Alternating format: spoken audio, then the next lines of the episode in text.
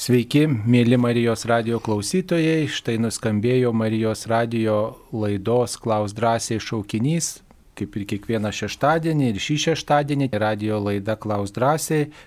Ir šioje laidoje dalyvauja Kauno švenčiausiosios Jėzaus širdies Šančių parapijos klebonas, teologijos licencijatas kunigas Audrius Mikitiukas. Sveiki gyvi. Labas. Ir taip pat prie mikrofono esu aš kunigas Saulis Bužauskas. Štai viena žinutė yra padėka už atsiųstą švenčiausiosios mergelės Marijos medalikėlį. E, mes visiems mūsų bičiuliams, e, savanoriams, e, draugams, bendradarbiams, aukotojams siuntėme padėką už bendradarbiavimą, tokį simbolinis ženklas ir prie padėkos atviruko pridėjome taip pat šiais metais mergelės Marijos medalikėlį.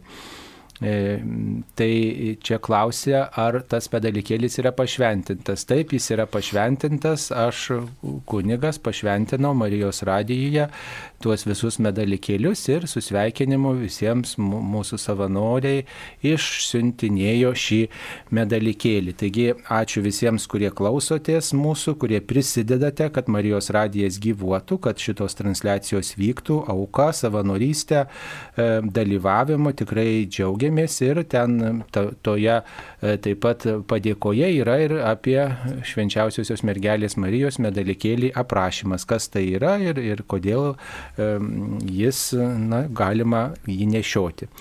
Tai e, štai trumpai tiek būtų. Dabar e, atsakysime į jūsų atsiustus klausimus kokia dvasinė būsena, kai negaliu gailėtis už kaltes, ar tai apsėdimas, tai didelė kančia, nes man išpažintis būtų tik formalumas. Vieną kartą man yra tai buvę, gal ne kartą, o laikotarpį tam tikrą. Čia žinot, savo laiku, savo laiku e, dabartinis arkivyskupas Kestutis Keivalas labai mėgdavo cituoti berots e, popiežiaus Benedikto knygą, kur buvo jo atsiminimai iš vieno žmogaus, kaip ir tokios salė išpažinties, ir čia citavo kaip labai labai labai kažkokį tai, žinot, e, įspūdingą dalyką, kai žmogus pasakė, gailiuosi, kad nesigailiu gailiuosi, kad nesigailiu. Nu, ateina kunigas klausyti ir, ir žmogus sako, gailiuosi, kad nesigailiu, bet nu, gaila, kad negaliu gailėtis.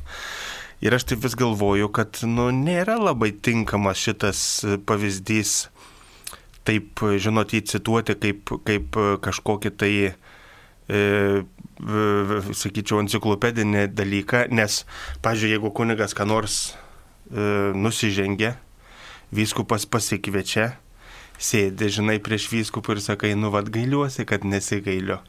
Nu čia nėra tas, kas būtų kažkokia tokia gailiuosi, kad nesigailiu. Nu tai, bet tokių dvasinių, e, tokių dvasinių būsenų būna. Aš atsinu, mokiausi seminarijui. Ir ateina tokios dvasinios sausros, kai tu jautiesi kartais tiesiog, kaip aš sakydavau, kaip mėsos gabalas. Iš tikrųjų, kaip mėsos gabalas. Ir tas apleidimo visiškai jokio dvasingumo nejautimas yra tiesiog nu, baisus ir košmariškas. Ir tada yra, kai tu nesigaili dėl nuodėmė. Ir tas gailės iš tikrųjų tada veda tave prie klausyklos, veda maldai, veda atgailai, veda, nu, tu, tu jauties iš tikrųjų toks reikalingas Dievo. Ir kai tu visiškai nejauti to jausmo, kai tu nesigaili, tu papuolė į tokią dvasinę sausrą. Ir žinot, kokia mintis man tada buvo kilus, kai aš prisiminiau tuos ankstesnius laikotarpius, kaip ta vis dėlto tas jausmas, e, ta atgailos malonė veda artin prie Dievo. Aš netgi sugalvoju tokį galvoju, gal tyčia reikia padaryti kokią nuodėmę, kad, nu, gal vėl pradėsiu, nu, va toks vaikiškas labai, e, bet tuo, tuo metu, kai tu būni seminarijų, tu vis tiek tu eini atradimų keliais ir aš atsimenu, nuėjau pas dvasios tėvą, tuo metu Zaremba ir sakau, aš nebejaučiu Dievo. Nu, nebejaučiu Dievo.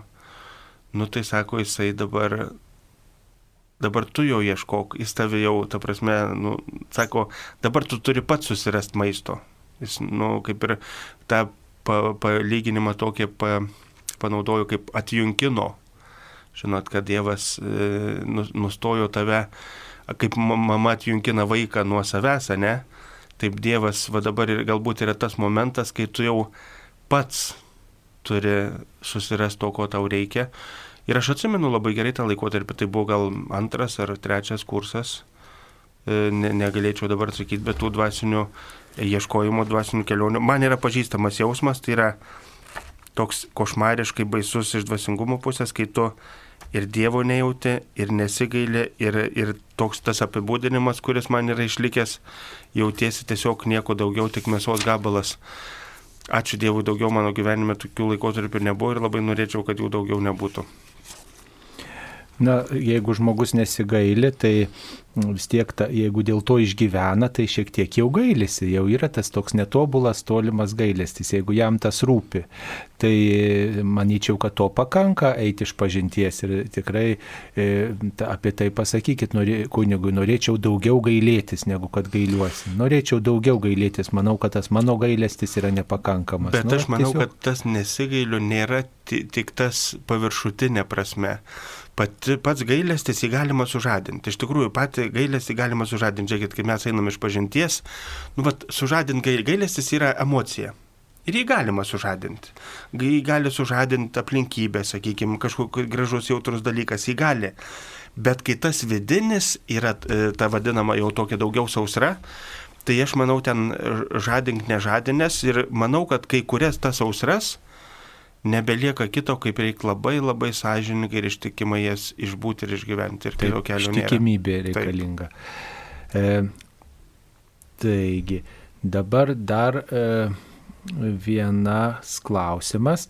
Girdėjau, jog keiksmai negali prakeikti žmogaus, o kas gali prakeikti?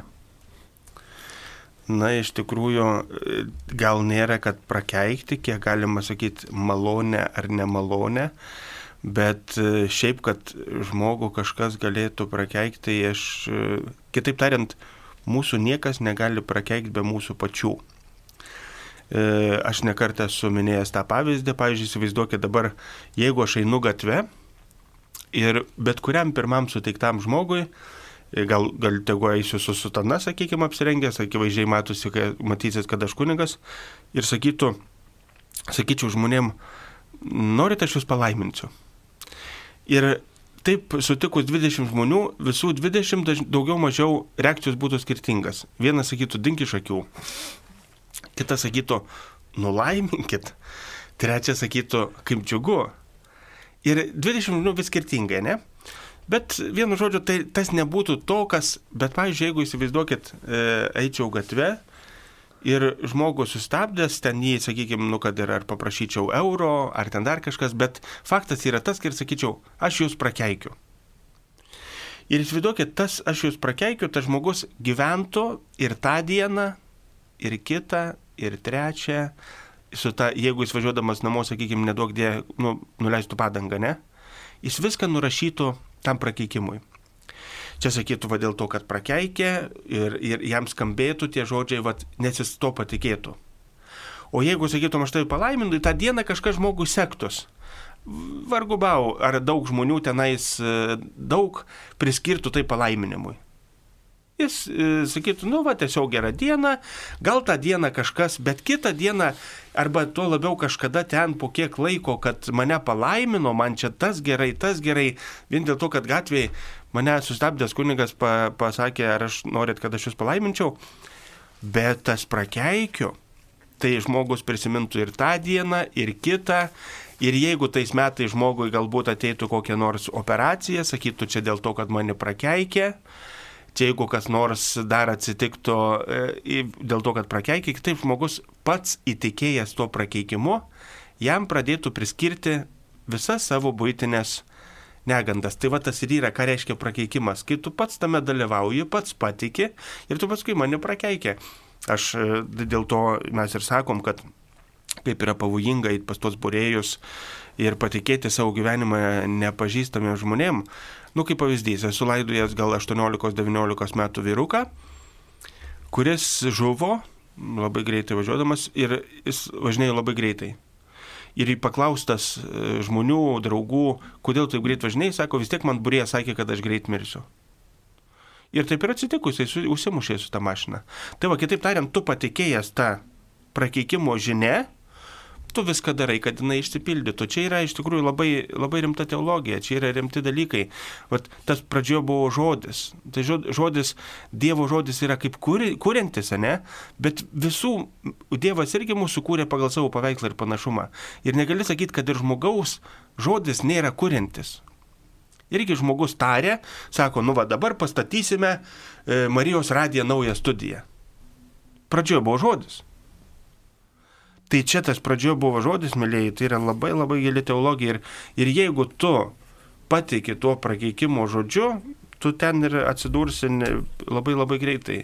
Dėl to, kad tu pradedi priskirti viską, kas yra galbūt gyvenimo būtis, tu pradedi priskirti viską dėl to, kad mane prakeikė, mane prakeikė, mane prakeikė ir tu to prakeikimu, ne palaiminimu, bet prakeikimu pats pradedi gyventi. Bet to dar vienas dalykas, e, tas prakeikimas tikrai mus liečia, bet koks blogo linkėjimas liečia, jeigu mes neturime krikščioniškų praktikų, jeigu mes su gyvuoju Dievu nepalaikom santykio, nesimeldžiam, nepriimam sakramentų. Tai yra skydas. E, taip, ir tada, jeigu žmogus tiki Dievo pagalba, tai ir keiksmažodžiai, ir blogo linkėjimai, ir prakeikimai tikrai žmogaus nepalies. Bet jeigu mūsų religinės praktikos, mūsų, mūsų maldos gyvenimas, mūsų lankymasis bažnyčioje, komunijos prieimimas yra labai reti dalykai, arba jų visai nėra, ir mūsų tikėjimas yra negilinamas, tai tada bet koks blogo linkėjimas gali mums turėti vienokios ar kitokios reikšmės ir ne tiek linkėjimas, kiek pats jo, nu kaip čia sakyti, vėl tas baimė prieš tą blogį, kai tu vis tiek priskiri jam tą, tu pats tuo tiki to blogio, kad tave gali prakeikti ir iš tikrųjų čia yra, čia yra tikėjimo, kai tu pats dalyvauji, kai tu tiki Dievu, tu dalyvauji Dievo gyvenime. Kai tu tiki prakeikimais, tu dalyvauji priešingam gyvenime, negu yra Dievas. Taip, dabar dar viena klausytoja parašė, kad gavo baptistų kalendorių šiems metams, duoti jų ten adresai, yra Jeremijaus pranašystė iš 17 skyriaus e, cituojama ir parašyta, ar žmogus Marija ir angelai gali išvaduoti nuo nuodėmių, ar galima pasitikėti e, na, tuo kalendorium, suprantu, ar katalikui naudotis tokiu kalendoriumi, ar tai sekta, ar, tai, ar jie priklauso šventajam tėvui. Baptistai nepriklauso šventajam tėvui, na, sekta tai mes nevadintume tų, tos bendruomenės, e, bet, e, na, jie nėra katalikai ir katalikui reikėtų naudotis katalikiškais kalendoriais, kur yra ir katalikiško šventės, ir, ir tikrai įvairios mintys iš mūsų katalikų katalikiško lobino ir, ir mm, taip reikėtų naudotis tikrai katalikišku kalendoriumi, o jeigu ten cituojama kažkokia mintis iš švento rašto, tai yra viena, bet tas tos minties traktavimas turbūt yra visai kas kita. Jau mes aptarėm ankstesnėse laidose, kad vis dėlto Marija ir angelai negali išvaduoti mūsų iš nuodėmių, išvaduoja tik Jėzus Kristus, bet jie yra tie, kurie rodo ir kreipia mus į Dievą, jie yra talkininkai ir mūsų tikėjimas yra bendruomeninis. Tai čia yra skirtingi tokie teologiniai akcentai, ne visos krikščionių grupės pritarė, e, vienodai žvelgia į pagarbą šventiesiems, e, štai e, tai mes skirtingai mastome, bet ypatingai sausio mėnesį mes melžiamės už visų krikščionių vienybę ir tarp kitko baptistai taip pat dalyvauja krikščionių vienybės tam judėjime, tai nereikėtų mums vieni į kitus pirštais rodyti ir sakyti, čia sekta, čia tokie, čia nokie. Na, jeigu mums nepriimtina tos pažiūros, mes tiesiog e, liekame prie savų ir žiūrim, kas tarp mūsų bendra, ka, ka, kas yra tarp mūsų bendra ir mes melžiamės už visų krikščionių susivienijimą, bet e, neklyjuojam vieni kitiem etikečių, bet e, tiesiog bandom draugiškai sutarti, broliškai sugyventi, nes dialogas visuomet duoda gerų vaisių, o sienų statymas dažniausiai atveda prie priešiškumo.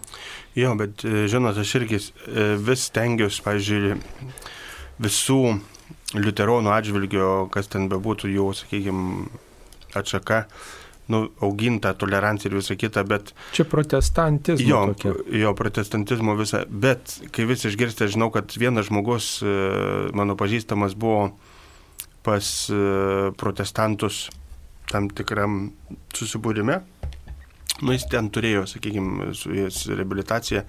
Ir jisai pasakojo pagrindinį dalyką, dėl ko jis iš tos reabilitacijos pabėgo, atimė ražančių. Kad čia pas mus tokie dalykai negalimi, vienu žodžiu, pusiau ten. Ir jisai sakė, aš negaliu būti. Tai aš pagalvoju, nu vis tiek tokie riboti. Kai taip, tai jie skelbiasi, kai kada, tai mes čia visi krikščionės, men čia, bet kai kartais sužinai vienus kitus, va tokius, tai labai sunku tos vienybės e, pasiekti, nedarant visko, kas būtų įmanoma, kad jinai būtų. Tai manau, kad e, aš vis tiek raginčiau, jeigu aš katalikas, tai aš norėčiau turėti katalikišką kalendorių, o ne kažkokį, tai žinotinais, e, baptistišką ar dar kažkas. Jų šventės yra jų šventės, mūsų šventės yra mūsų šventės ir tegul, kaip sakant, vis, Dievas visiems būna maloningas. Taigi ieškant tokios bendrumo, vienybės reikia ir, ir tą savitumą išsaugoti ir tiesiog identitetą, identitetą tapatybę. Taip. E, dar vienas klausimas. Prašom pasakyti, ką daryti, jei mirė močiutė nuo COVID, reikia deginti, eilė už septynių dienų, o po to nori palaikyti urną, kur gyveno močiutė tame kambaryje, nes laidojimo namuose jau nėra vietų, nepriima. Ar galima palaikyti kambaryje, kol laidos, galės atvykti anūkai iš Londono, jei negalima, tai kodėl ir ką daryti? Visus tuos laidotuvių procesus, apie kurį dabar kalba, juos reglamentuoja ne katalikų bažnyčia, juos reglamentuoja Lietuvos Respublikos įstatymai. Ir kiek galima laikyti, kur galima laikyti, seniau žmonėms buvo leidžiama nelaidot urnos, o namuose laikyti. Paskui Lietuvos Respublikos Seimas priėmė įstatymą, kad urną negali namuose laikyti, galima tik palaidot. Dabar mačiau, užregist, noriu užregistruoti pataisą, kad, kad žmonių prašymų būtų galima mirusių pelenus išbarstyti Baltijos jūroje. Yra apie tai kalbama ir užregistruota pataisa, ir vieni, o kiti ten rašo, kad gerb kitų žmonių teisės, kurie ten maudysis. Žinot, tai, bet iš tikrųjų tai ne bažnyčia reglamentuoja, kur kas turi būti su urna ar su karstu tą turėtų labai aiškiai žinoti arba laidojimo biuras, arba seniūnyje, nes pavyzdžiui kap, kapų priežiūra, e, kas liečia valstybinės visas funkcijas, kartais e, žmonės paskambina ir klausia, ar galėtume mes, va štai yra miręs žmogus, ten pasilaidoti tokios ir tokiuose kapinėse. Aš sakau, ne, ne, ne parapija ir ne bažnyčia reglamentuoja kapinių priežiūrą ir jų administravimą, tam yra valdiškos, tarp kitko, e, liuteroniškų kraštuose, pažiūrėjau, Švedijoje, aš nežinau kaip kitur, bet konkrečiai Švedijoje, tai visos, visos kapinės yra administruojamos bažnyčių. Liuteronų bažnyčios ir jie tenais priežiūra, laidojimą, visus kitus dalykus yra šimtos procentų visos Švedijos kapinės yra ne valstybės administruojamos, o bažnyčios, o pas mus kiek galit laikyti kur, kokiam kambarį ir kaip ilgai, tą nusprendžia ne klebunai, ne viskupai, tą nusprendžia Lietuvos Respublikos įstatymai. Na tai, sakyčiau, tikrai yra net ir tokių bažnyčių, kai kurių bažnyčių, kurios e, štai tokia, e, tokia vat, galimybė suteikia saugo urną. Vat, pavyzdžiui, Vilniuje Domininkona viena iš savo koplyčių, kuri ten e, šiuo metu yra taip ir paruošta, kad artimieji gali atnešti savo urną, artimųjų urną ir ten padėti. Ir štai to bažnyčioje yra malda, bažnyčioje yra giesmės, yra mišios aukojamos ir tikrai tokia tinkama aplinka saugoti Taip.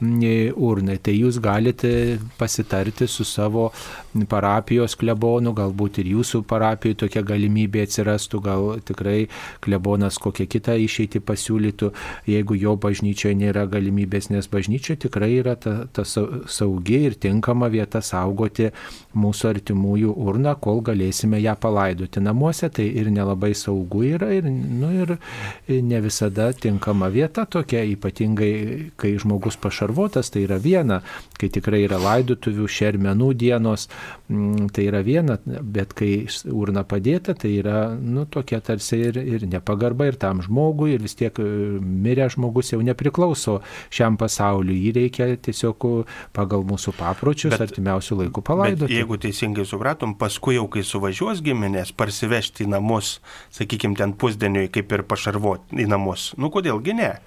Nu, tai, taip. Į, į namus, bet tą ilgesnį laikotarpį laikyti kažkur ant spintelės padėjus ar kažkur, sakykime, ant žydinio krašto, tai toks, nu, ne visada pagarbus dalykas ir, žinot, galima, nu, tiesiog patartume, patartume kitus variantus pasirinkti. O šiaip dar vienas panašus klausimas yra, ar susirgęs virusų žmogus gali išreikšti savo nuomonę dėl kūno kremavimo ar laidojimo su karstu esant gali. mirties atveju. Gali. E, ar tai yra atsižvelgiama, kokiu atveju galima priimti, kokiu atveju priima galutinį sprendimą, ar yra kokios taisyklės? Nu, jeigu žmogus nenori, tai nenori, tiesiog jį e, patalpina į maišą jį sandariai uždaro, rūbus padeda jau tada ant viršaus nu, ir uždaro karstą.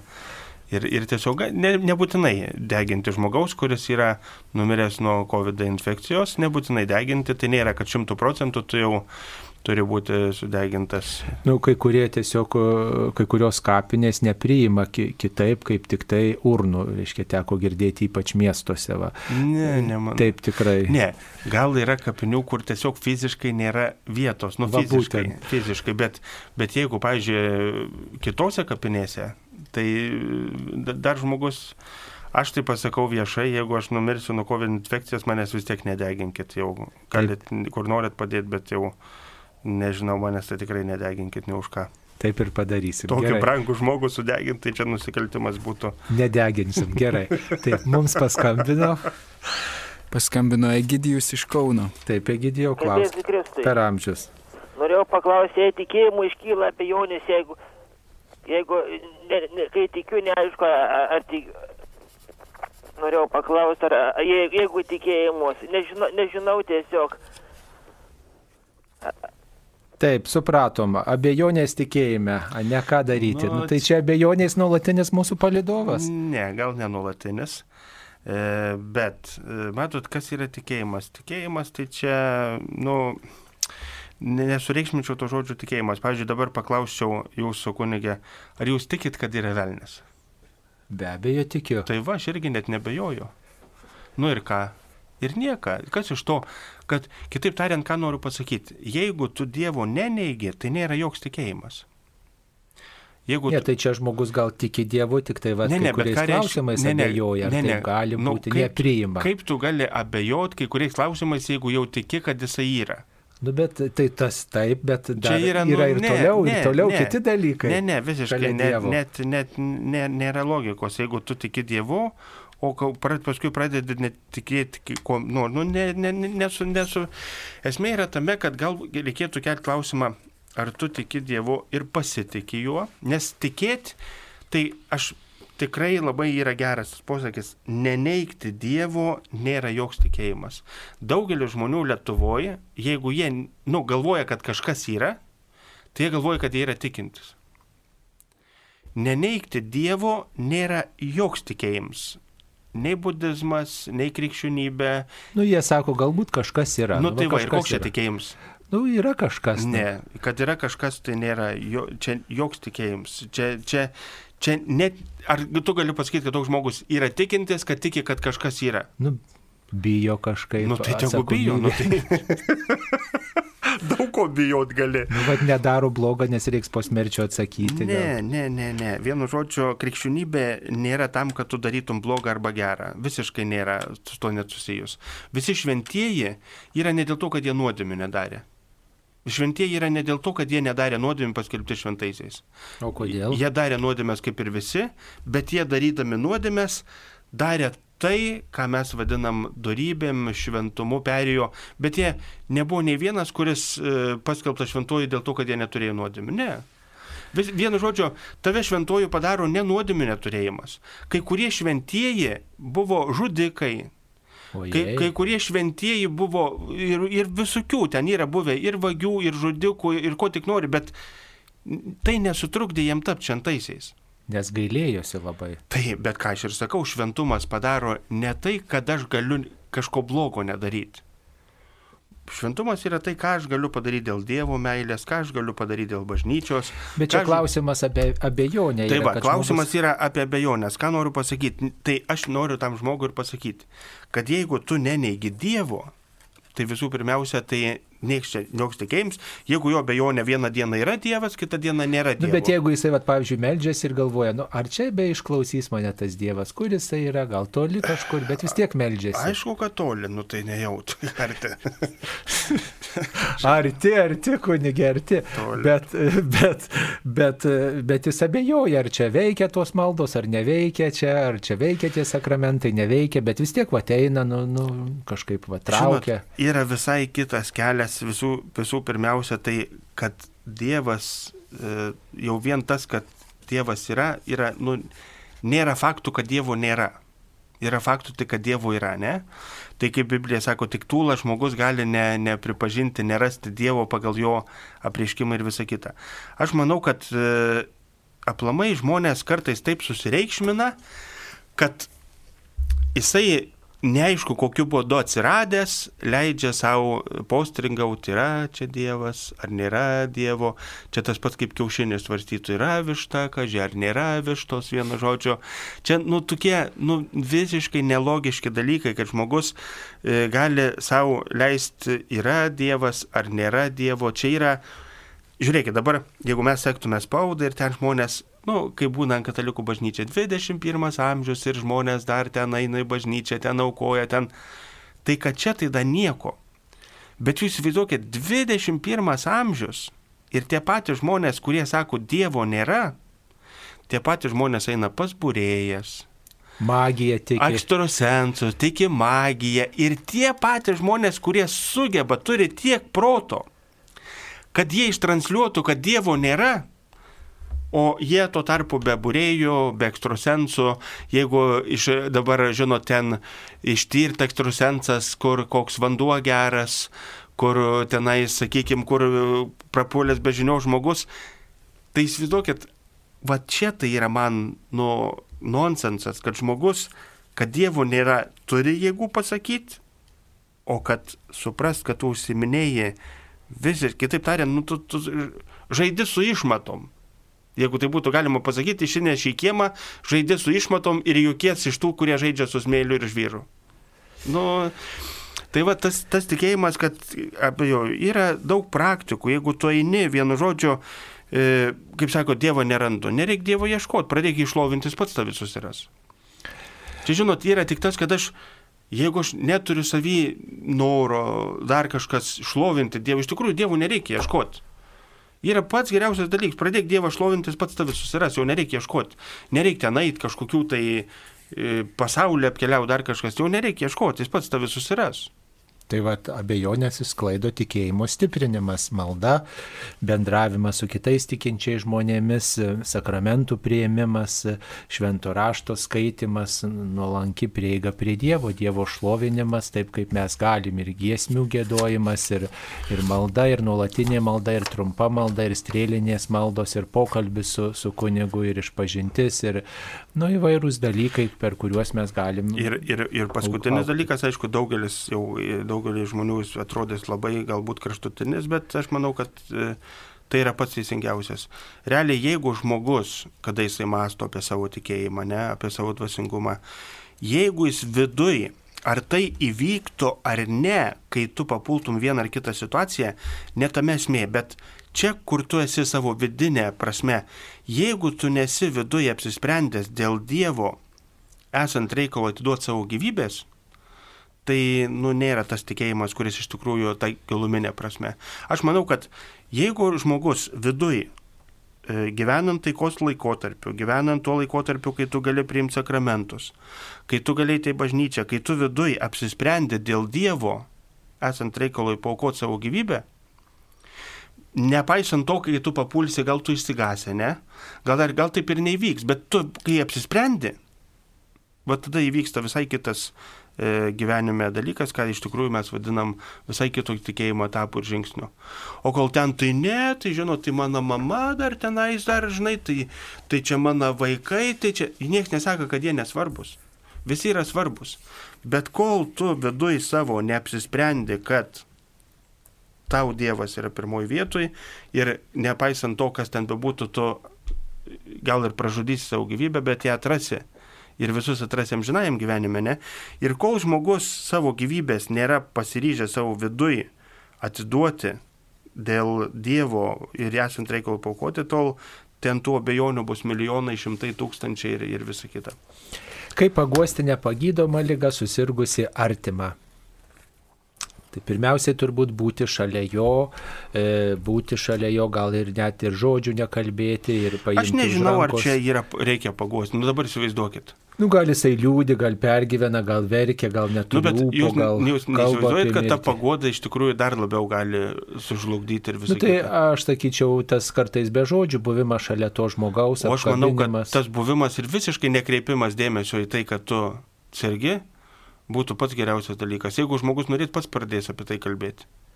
Bet jeigu sėdi šalia ir sako, Jėzus, Jėzus, kaip tu atrodai blogai. Bet tai čia Ar- nepagoda, bet būti tiesiog šalia jo, pasiūlyti Aš kažką, manau, patarnauti, užsiimti ir apie kažk- tai net ne, ne, tarsi- nekalbėti, bet ne. būti šalia ir tai tikrai tam žmogui, nu, išnaudoti kiekvieną tą akimirką, kuri yra ir, ir, ir Aš tai, manau, kas įdžiugina gal. Aš tai geriausia, žinot, nu, kadangi aš esu žmogus, e, tokį sakyčiau, turintis humoro jausmą ir, sakykime, aš guliu lovoje, ne, aš negaliu vaikščioti, sakykime, ne, aš negaliu vaikščioti. Aš pasakysiu, kaip man būtų smagu būti žmonėm ir kaip mane paguostų.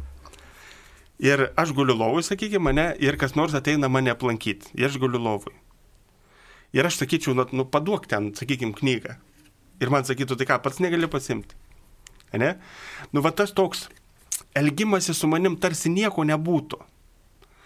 Žinai, kad jeigu žmogus, pažiūrėjau, pasakytų, nors žino, kad aš nevaikštau, ne, bet sakytų, ką, pats negali pasimti. Tai va čia ir būtų man to, ko reikėtų, tuo, kas, va, būnant su manim, galėtų tai pasakyti. O jeigu tik rypaut, žinai, žiūrėti mano kojelės, kuriuo aš jau negaliu pakelti, visą kitą, nu ne, man tai reikėtų to žmogaus, kuris mokėtų mane pralinksminti, pradžiuginti, padaryti taip, kad aš visą gerklę kvatočiau vienu žodžiu, arba galiausiai sakytų, nu va, pasimelčiam ten kokį, žinai, Va to, o jeigu tik tai sėdėti šalia ir galvot, kaip čia dabar, ne. Daug smagiau, kai aplamai žmogus nekreiptų dėmesio į tavo lygą. Absoliučiai nekreiptų dėmesio. Priešingai, jis netgi, jeigu jisai lošių, galėtų pasakyti, naik ir pasimsi. Tai va, Nu, žinot, kitas gal ir įsižeistų, Nu, sakytų, tu net tai- nematai, kad aš negaliu. tai va. pasa, pasakytų Sakyčiau, dar. kaip, kaip aš matyčiau, jeigu aš aklas. Nu, tai va, okei. Čia matot labai. Čia žinot, kaip sako, aklas matė, kaip kurčias girdėjo. Bet iš tiesų tas dėmesys žmogui toksai gal kartais e, na, įsiklausant į jį, reiškia iš tiesų, ko, jam, ko, ko jis norėtų, Jo, čia yra, yra kas, kiti kokia jo labai pikti, nervuoti tapę, dar kažkas. E, Nėra lengva, aišku, bet reikia pripažinti vieną dalyką. Kaip bebūtų e, sunku, sakykime, slaugyti ligonę, reikia suprasti, kad jam vis tiek yra sunkiau negu tam, kuris slaugo. Nu, visada, žinokit, pasiteisina dėmesys, dėmesys žmogui, kad tu kalbėsi su juo, nu, at, pasigilini jo situaciją, įsiklausai tikrai ir, ir nu, kad tas žmogus neusidarytų savį kalbėtųsi, nu, ir tą gal pyktį išreikštų, mintis savo, pasi... gal ir bus sunkus tas pokalbis, gal kitas tikrai bus ir suirzęs, ne tik tai kvatosis visą gerklę ir džiaugsis, bet, Bet kodėl, žinot, ne tik dėmesys, o yra žmonės, kurie nu pavargsta nuo to. Nu, tai kur- reikia kur- su saiku skirti dėmesį, bet visada, žinokit, po to bus e, giedrumas ir jums, ir tam žmogui, kuriam skirsit savo dėmesį, nors ir kokioj niurioj tamsoj jis būtų. Aišku, ir ligoninės turi turėti drąsos pasakyti, kad dinkit visi iš mano kambarį ir uždarykit duris iš kitos pusės. Taip, bet e, tai nereiškia, kad kitą, kitą kartą po kiek laiko nereikia ateiti pas tą žmogų ir vėl parodyti Nu, tai dėmesį. reikia po trijų dienų atnešti valgyti. Na, Gerai. Taip, mums paskambino. Milda iš Ariogalos. Taip, Milda, klauskite. Sveiki, mėly kunigai. Aš turiu tokį sunkų klausimą, gal ir, ir, ir nežinau, ar galime atsakyti apie Hairus ir Kronus. jeigu, kiek aš suprantu, chronos laikas yra viskas dabar, begalinis da- dabartis. Ar aš galiu taip manyti, kad pavyzdžiui tie žmonės, kurie mirė vakar, kurie mirė prieš šimtą metų, kurie dar mirs rytoj arba taip toliau, ar jiem viskas ir tas Dievo teismas ir ta amžinybė yra va dabar šią minutę. Mhm. Ačiū labai. Šiaip sakyčiau, labai giliai e, pakapstėt su šito klausimu, net nu, nusižipsojau kad e, šiaip, vat, kaip sakant, žmogus iš Ariogalos, kaip čia, kaip Evangelijų iš Betlėjaus. Kad- Turi galvoj, kad iš mažo miestelio. nu, aš pats, taigi netoli Ariogalas kilęs, tai, žinot, taip pat. Tai čia tikrai toks, sakyčiau, gilus klausimėlis.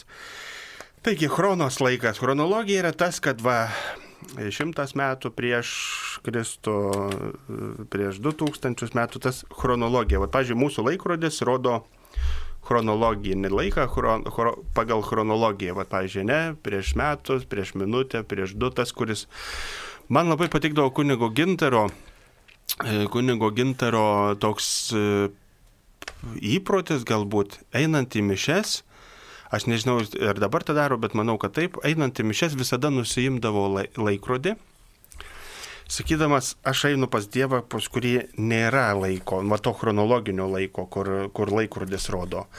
E, kur aš esu bažnyčiose, iš tikrųjų visur nuimdavau nuo bažnyčios sienų laikrodžius. Ten yra pamokslininkui padėta, Aš, kad pavyzdžiui, nebūtų per ilgas A, aš, pamokslas. pavyzdžiui, niekaip negaliu žiūrėti bažnyčias, kur yra laikrodis. Man išveda, aš visada žmonėms sakau, neturit laiko, neikit į bažnyčią iš visą sekmadienį. Negadykit nei man nervų, nei savo. Jeigu jūs tik valandą laiką turit, iš vis neikit ir būkit namuose ir nesnervuokit ir kitų nenervuokit. Nes tas chronologinis laikas, oi, oi jau po 12.5, oi, oi, oi, nu į kas, kas po 12.5 prie televizoriaus netiek prisėdi, prasėdi, žinai. Linksmiau prie televizoriaus. Nu, tai, sėdėt, tai, kunige, tai ir sėdėk ten, kur linksmiau. Tai va, vienu žodžiu esmė yra tame, tas chronologinis laikas, pagal kurį mes esam, kitaip tariant, netgi jeigu būtų galima pasakyti, nubausti, čia tokia būtų galima daryti išvalgą, kai Dievas sakė Domui nuo šiol eisi į žemę ir savo prakaitų pelnysi duoną, nebūtų labai didelė, didelė ta klaida, jeigu sakytum, va, dabar tu eisi į tą tikrovę, kuri yra chronologinis laikas. Iš kairos laiko išmestas į chronos laiką, kuriame mirsi. Tai vad, vienu žodžiu, tai jūs e, labai taikliai užuominą davėte į atsakymą, kad iš tikrųjų Dievas neturi chronologinio laiko. Chronologinis laikas yra tam tikra prasme prakeikimas arba netgi ir nupolimo pasiekmė chronologinis laikas, nes tik tame laike tu žinai, kad tu mirsi. Tai jūs labai gerai e, davėte tą aluzija į atsakymą, kad iš tikrųjų viskas vyksta tuo laiku, kai tie žmonės numirė, tame amžinas dabar.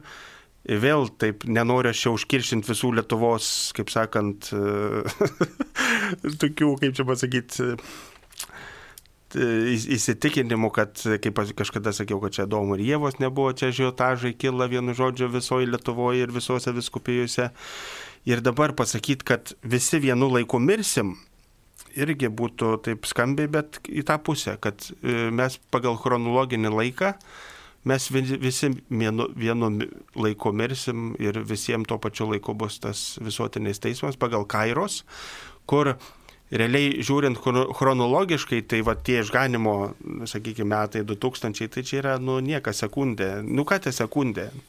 Ten, ten, nu, įsivaizduokit, jeigu mokslininkai, mokslininkai padarė e, laikrodį, pagal, dabar tik nepasakysiu, pagal visatos ar gal, gal pagal Žemės. Kada Žemė pradėjo formuotis, atsirado, taip toliau ir panašiai.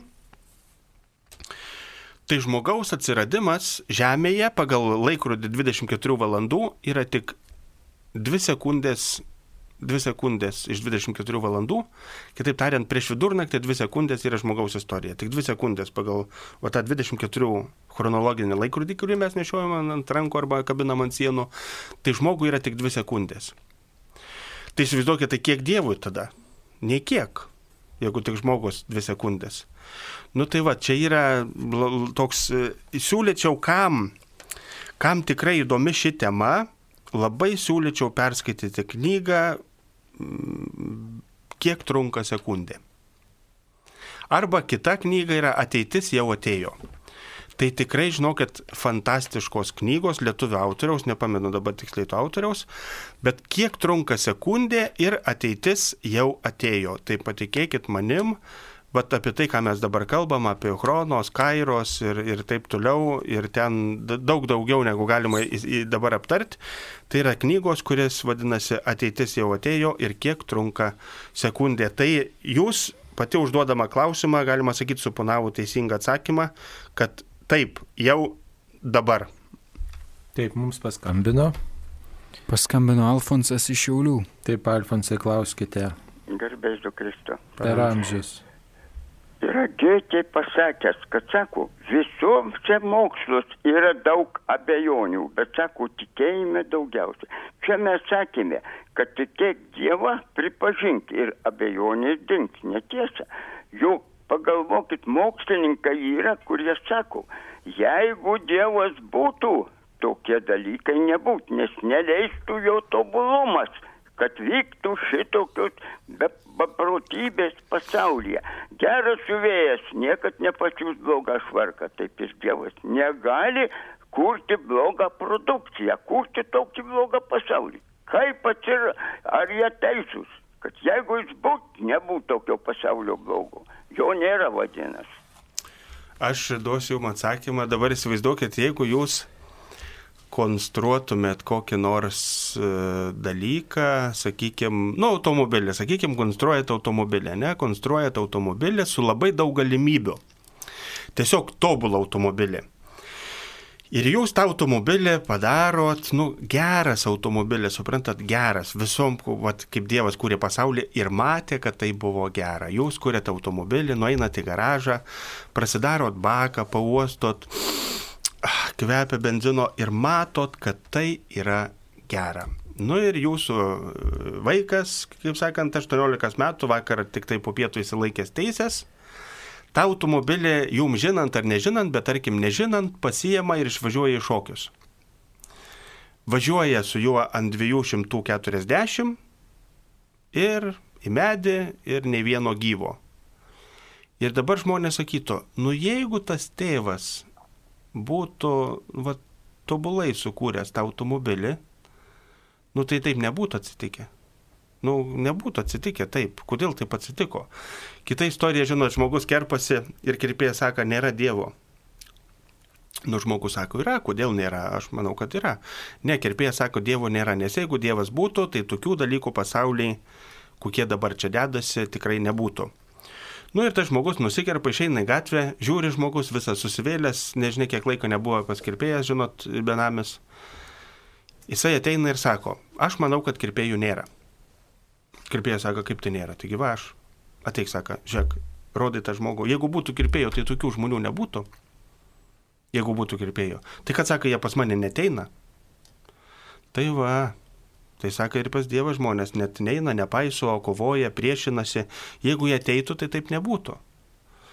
Tai būtent tas blogio ir yra, kad Dievas sukūrė per daug tobulai, pasitikėdamas e, žmogų dovanodamas laisvą valią, netgi pačiam sukilti prieš Dievą, neikti Dievą, e, atsisakyti Dievo, burnoti prieš Dievą, kovoti prieš Dievą. Ir, ir tai yra ne, ne kūrimo brokas. Kaip tik tai yra kūrimo tobulumas, kad žmogus gali tą daryti. Kitaip tariant, tai ir yra, kad žmogus sukurtas tobulai, nes e, čia kažkada su draugais mes e, sportavom ir aš sakau, tu esi laisvas tik tada, kai esi laisvas nusidėti. Nes priešingai tu, tu nesi laisvas. Tu esi laisvas tik tada, kai tu esi laisvas nusidėti. Jeigu tu nesi laisvas nusidėti, nu įsivaizduokit dabar, e, jeigu mane patalpina į patalpą, kurioje mane stebi 24 valandas per parą, 365 e, dienas per metus, kameros, dieną naktį ir praktiškai aš negaliu nusidėti. Nes visi mane stebi, sakykime, nu, būtų stebimas, ne? Ir viskas, aš negaliu nusidėti, nes aš nesu laisvas. Ir, ir, ir tai ir tada tu nesi laisvas. Ir žmogus gali nusidėti, vat, ką, kaip tik, man tai priešingai, kad žmogus gali tą daryti, ką gali daryti, kaip tik įrodo Dievo buvimą. Nes jeigu žmogus negalėtų to nedaryti, tai, tai ir ne, nes nei vienas gyvūnas nėra laisvas. Vat jisai niekum nėra laisvas. Jis nėra, nėra laisvas, jis gyvena instinktų, jis nieko negali kurti. Vat, žiūrint į gyvūnų gyvenimą, tai tikrai galima būtų pasakyti, kad va, ten laisvės nėra. O žmogus tai yra viskas, tu žiūri į žmogų ir jeigu žmogus gali taip elgtis, tai tik vienintelis atsakymas, tai yra tik dėl to, kad Dievas sukūrė viską labai tobulai. Taip, ačiū. Man moteris skambina ir kalbamės apie tikėjimą ir aptarėme švento rašto eilutes, nuo širdžiai bendravom. Pasikalbėjimo metu pasakė, kad ji jegovistė. Ką daryti toliau ir kas yra Jegovos liudytojai. Taigi Jegovos liudytojai yra tokia bendruomenė, kuri įkurta 20-ojo amžiaus pradžioje ir e, kuri skaito šventą įraštą, tačiau visiškai kitaip traktuoja jį, negu traktuoja katalikai ir netgi visiškai kitaip negu traktuoja protestantai. E, jie Dievą vadina Jehova ir, žodžiu, laukia, nustatę netgi pasaulio pabaigos datą, bet ta pasaulio pabaigos data praėjo ir pasaulio pabaigos nebuvo. E, na ir jie rengia tokius susitikimus, maldos grupės, jie nepripažįsta jokios Jėzaus Kristaus simbolikos, jokios religinės simbolikos, jokių skulptūrų. e, nepripažįsta šventųjų kulto, nepripažįsta švenčiausios mergelės pagarbo švenčiausiai mergeliai Marijai ir mm, e, savo krikštą teikia, jokio kito krikšto nepripažįsta, neigia švenčiausiąją trejybę ir šventąją dvasę. O, o esminis skirtumas, kad Jėzų Kristų e, jie nežiūri kaip į Dievą, e, ir neigia taip pat ir jo prisikėlimą, taip kaip mes jį suprantam katalikai neigia skaistyklą, pragarą ir kitas krikščioniškas tiesas. Pagal juos Jėzus Kristus buvo tik žmogus ir tikrai nereikia jo gerbti, o reikia gerbti, garbinti tik Dievą Jehovą. Kitaip tariant, tai yra destruktyvi sekta, destruktyvi sekta, nepripažįstama Lietuvos Respublikos įstatymų ir daugelio kitų šalių. Vienu žodžiu, ne vienam žmogui yra tekę pagalbos e, reabilituotis išėjus iš Jehovos liudytojo. Tai yra destruktyviai veikianti sekta. Na ir reikia pasakyti, kad šita bendruomenė nedalyvauja e, tame judėjime, kuris vadinasi ekumenizmas, kuriuo siekiama visų krikščionių vienybės. Tai yra kartu melstis, kartu skaityti šventą raštą, e, savo tradiciją pažinti, bet ir ieškoti tų gyjų, kurios su visa krikščionių šeima vienyje. Tai sakyčiau, būtų geriausia, kad jūs, nu, tam, kad saugotumėt savo katalikišką tikėjimą, jeigu norit savo tapatybę išsaugoti, tai sakyčiau, tačiau nereikėtų bendrauti ir, ir kalbėtis tikėjimo klausimais ir leistis ten į diskusiją su tokiais žmonėmis. Taip, tas dialogas galima šiek tiek, bet, e, žinot, e, yra, yra keblu, keblu kalbėti su žmonėmis, kurie nori e, savo visą tiesą primesti, o, o kitą visiškai nuneikti, reiškia, kurie žiūri į mus kaip į klaidatikius. Tai, nu, yra keblu, aišku, bendrauti kažkiek galima su žmonėmis, bet, bet tas, tos diskusijos, kai kiekvienas kiekvienas lieka prie savo nuomonės ir mes nerandam tų bendrų sąlyčio taškų, ne, mes skirtingai žiūrim į tą patį Jėzų Kristų. Yra keblus, nu mes galim bendrauti ir su netikinčiais bendraujam, bet bendraujam nu, kitais klausimais, ne, bet, bet reiškia, va, tikėjimo klausimais vis dėlto esam kviečiami bendrauti su tais, su kuriais galim surasti bendrą e, sąlyčio tašką. Taip, mums paskambino. Stanislavą iš Aleksoto. Taip, Stanislava, klauskite. Garbėzui Kristui. Per amžius. Aš turiu pasiūlymą, gana rimtą. Norėčiau, labai norėčiau ir, ir daugumą, kas norėtų girdėti per Marijos radiją kroniką, bažnyčios kroniką skaitant, turinius. Juk tai eina į užmarštį, juk tai čia buvo seniai šitas visas. O dabar nieko, jokių žinių, nieko apie ją nežinome aš turiu vieną numerį, aš pasiskaitau, tai man, nu man tiesiog baisu, kai buvo elgiamasi su kunigais, su tikinčiais, kas buvo daroma. kiek tų parsidavėlių, kiek žmonės kankino, ir mokinius kankino, ir mokytojus. Tai ar negalėtumėt pustraipsnį paskaityti kasdieną, ar ten kokią tai mm, paskirtą dieną, valandą, būtų labai labai gerai. Ačiū už pasiūlymą, apsvarstysime, pasitarsime ir mm, tiesiog priimsim sprendimą. Ačiū Jums. Čia turbūt, kol nepakeisim Marijos radijo direktoriaus, niekada nebus. Siūlau kelti kandidatūrą. Gerai. Niekada nebus, kol direktoriaus nepakeisim. Taip. Labai, labai išmintinga. Gerai. Laukim pokyčių. E, taip. E, dar vienas klausimas, žinutė. E, kodėl kai kuriuose bažnyčiose Romoje kūdikėlis Jėzus paguldytas nesuvystytas vystiklose, o nuogas, juk šventajame rašte rašo, kad Marija suvystė kūdikėlį ir paguldė ėdžiose.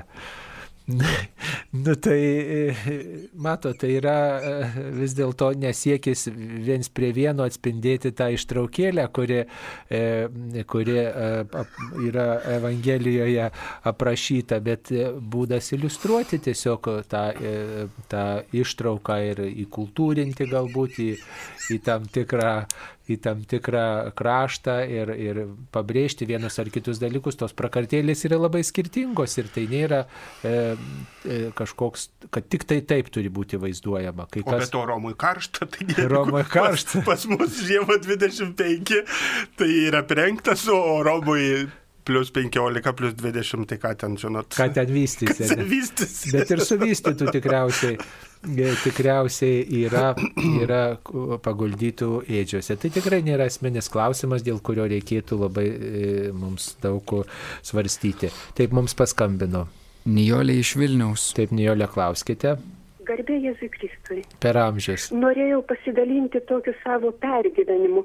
Ateinu į bažnyčią arba su vaikais ką Jėzus Kristus nukryžiuotasis. Įeini prie didžiojo altoriaus, Jėzus Kristus nukryžiuotasis. Ir man yra taip baisu ir taip sunku atiduoti jam visą savo skausmą, savo nerimą, paprašyti pagalbos, juk jis kenčia, jam ir taip yra sunku. O jeigu, pavyzdžiui, būtų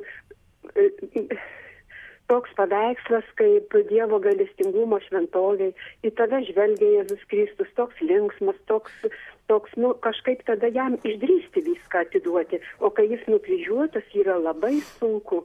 Tai čia toks, nu, tiesiog pastebėjimas, ką jūs į tai nu, atsakytumėte taip, į mano taip. tokį nerimą ir vaikai bijo.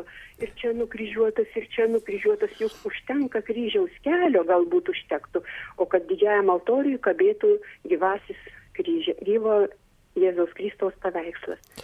Matot, net ir gailestingumo šventovė, kabantis paveikslas, tas veidas tikrai nėra linksmo Kristaus, tai yra veidas e, nutapytas e, žvelgiant į mirusio Jėzaus veidą. Dailininkas tapė vis dėlto turėdamas prieš akis mirusio viešpaties veidą. Gerai įsižiūrėkite e, į šitą veidą. Bet iš, iš dalies ir, ir labai daug moteris yra teisi apie tą apie bažnyčių kalbėjimą apie didžiojo penktadienio kryžių ir Velykų kryžių, prisikėlimų kryžių. Iš tikrųjų, reikia pripažinti, kad e, yra laikotarpių bažnyčiai, kur buvo labai akcentuojamas e, kančia, mirtis. Dabar daugiau yra akcentuojama prisikėlimas. Ir iš tikrųjų didžiojo penktadienio kryžius tai yra tas kryžius, ant kurio yra nukryžiuotas, o Velykų kryžius yra tas, kur tik kryžius be nukryžiuotojo. Kitaip tariant, jis prisikėlė, jo jau nėra. Ne tik ant kryžiaus, bet ir kape. Tai iš tikrųjų e, didžioji, aš manau, kad e, taip ir kažkur esu skaitęs ir taip gal ir, ir, ir, ir daug kur yra, kad bažnyčioje turėtų būti vienas kryžius su nukryžiuotu vienas, o visi kiti Velykų kryžiai, vienu žodžiu, po prisikėlimo įskelbintis. Tai, žinot, yra, bet mes tos neišbrauksim dabar istorijos, kur iš tikrųjų buvo akcentuojama tik tai kančia, buvo per daug, žinot, bausmė, pragaras, tik tai, nu, bažnyčia irgi yra žmonių bendruomenė, kuri pulsuoja tuo gyvenimu, stebėdama laiko ženklus buvo bažnyčioje laikas, kur buvo labiau akcentuojama Dievo bausmė, mirtis, pragaras, ugnis, kryžius kančia. Dabar yra tas laikotarpis, kur daugiau prisikėlimas, gailestingumas, išgelbėjimas, pasigailėjimas. Žmonės ieško įvairiausiais istorijos laikotarpiais tų, tų e, tikėjimo išraiškų, bet esmė tai lieka ta pati. O aš manau, kad kartais gyvenime ir to reikia, ir to. Vat, pavyzdžiui, aš vieną kartą, e, bet, nu, paliudysiu, paliudysiu, gal ne iki galo viską pasakydamas, bet paliudysiu. Aš gyvenime gana sunkiu laikotarpiu jau iš pažinties, ne, biškai gal reikėtų žingsnį atgal daryti. Kai man vyko kunigystės šventimai, aš žiūrėjau į nukryžiuotą Jėzų katedroje ir galvojau, nelabai aš čia moku melstis, tai aš žiūrėsiu kryžių ir kartosiu Dievę, padėk man neįsižadėti to, ką aš šiandien pasižadu. Ir buvo šventimo diena, mano buvo tik tokie žodžiai, kad padėk man Dieve, aš niekada neįsižadėjau to, ką šiandieną pasižadu. Ir aš nuolat kartojau. Ten ką girdėjau, ką negirdėjau, kiek dalyvau, kiek nedalyvavau. Ir, žodžiu, ne mano reikals, ne, tegu šventinti, jeigu nori. Tai ir aš, kadangi man tas buvo labai svarbu, aš žiūrėjau nukryžiuotį ir įsivaizduokit, vieną vakarą aš būdams katedroje, tikrai sunkioj situacijoje, aš žiūriu, senas kunigas sėdė ir, ir to mes ten katedrui būdėdom ir aš galvoju, reikia eiti iš pažinties. Aš nuėjau iš pažinties ten ir iš tikrųjų tai tų sunkių laikotarpių buvo čia nais gyvenime, kai čia, čia žurnalistai puolė, kaip tik tai galėjo ir, ir, ir, ir vyskupas tuo metu ten nepuolė labai stipriai žinot, kad išreikšti palaikymą. Ir aš tikrai turėjau abejonių, ką daryti su savo kunigystė. Gal čia aš tai prisigalvojau, gal man niekas nedrįsta pasakyti, kad aš čia turiu išeiti, tik tai visi taip mandagiai laikos mano atžvilgiu, žinai. Ir aš prisigalvojau pats visokių tokių nesąmonių. Ir aš einu iš pažinties ir kunigui tam, žinai, tokių abejonių savo išsakiau. Ir jisai man sako, at, sukalbėk tris poterius į nukryžiuotą Jėzų. Ir aš taip net šyptelėjau, galvoju, gyvenime, va, tokios senamadiškas e, atgailos nesu, nesu gavęs, kad į nukryžiuotą Jėzų, žinai, taip įdomiai. Ir aš, žinai, po tos išpažinties, tai pasisėdau toj katedroje, atsiklaupiau, kalbu tą atgailą ir aš pakeliu akis ir priešais mane tas kryžius, į kurį žiūrėjau šventimo dieną katedroje ir melžiaus, kad Dieve padėk mane įsižadėti to, ką. Tai žinot, aš tiesą pasakius, va toks liūdimas, nutirpau ir buvo atsakymas, va ką reiškia nukryžiuotasis, kaip šventimo dieną žiūrėjau į nukryžiuotąjį ir paskui, kai aš atėjau, galima sakyti, su savo bejonėm ir Dievas mane atvedė vėl prie to pačio kryžiaus, prie to pačio nukryžiuotojo kaip, kaip atsakymą. Tai man tikrai tai nėra atsitiktinumas, man tikrai tai nėra, nes aš pats labai nustebau, kad aš praktiškai po tiek laiko, galima sakyti, po 15 ar 14 metų savo kunigystės visiškai atsitiktinai atlieku atgailą po to pačiu kryžiumi, po kurio priemiau kunigystės šventimus ir dabar, ir dabar atlieku atgailą. Tai žinot, man tai buvo nežinau, va, Dievo kalbėjimas ir, ir daug, daug didesnis ženklas, negu ten būtų galima įsivaizduoti. Tai va, ir nukryžiuotasis, žinot, vieniem nukryžiuotasis galbūt atrodo vienaip, o man tuo metu atrodė kaip atsakymas ir, ir gyvenime buvimas šalia. Tai manau, kad reikia gal ir to, ir to, bet aš va paliudėjau savo tą nukryžiuotojų istoriją, kuris labai giliai įsirėžė man iš širdį tą, žinot, nukryžiavimo, kur, kur aš atėjau, galima sakyti, kur buvo pradžia, yra kur pusiaukeliai galbūt pavargęs prisigalvojęs atėjau ir vėl aš po, po pačiu kryžiumi randu atsakymą, kur ir pradėjau savo kelią. Na, mes gerbiam nukryžiuotai, nes yra tiesiog mums toks ženklas, kokia yra mūsų išgelbėjimo kaina, kad Jėzus Kristus už mūsų savo gyvybę atidavė. E, pasiaukojo Dievas ir žmogus už mus ir mes žinom, kad jis yra prisikėlęs, bet kai darom nuodėmės, e, tai mes kankinam viešpatį, sudabartinam tą kančią jo e, ir, ir didinam tą kančią. Tai, tai tiesiog yra akistata, ne tik tai mūsų tikėjimas, giesmelės, dainelės, Jėzus prisikėlė, valio, valio, bet yra taip pat ir prisiminimas, kokią kainą Dievas sumokėjo, kad aš dabar galėčiau džiaugtis ir, ir turėti laisvę ir, ir, ir kad aš turiu vilti nukeliauti dangų. Tai viešpats už tai numirė, už mano nuodėmės ir to nereikia pamiršti. Ir mišios ir nėra tik tai šventi bendruomenės susitikimas, bet ir aukos sudabartinimas Kristaus mirties ir prisikėlimo sudabartinimas. Tai ir kryžius tą primena. Ne tik mirti, bet ir prisikėlimą, tai, va, nes kryžius neliko Kristus ant kryžiaus. Ir tas suvokimas, kad iš tikrųjų Kristus e, prisijėma mūsų ir, žinot, kartais mes kalbam, va, Kristus prisėmė mūsų nuodėmės, Kristus prisėmė mūsų nuodėmės ir iki galo nesuprantam, bet visai neseniai socialinėme tinkle pasidalinau nuotrauką, kur tie žmonės, kurie, pavyzdžiui, buvo priklausomi, e, buvo priklausomi nuo narkotikų ir Dievas išgydė. Ir žinot, paveiksliukas yra, nu, žiaurus, iš tikrųjų žiaurus, bet, bet toks jis yra.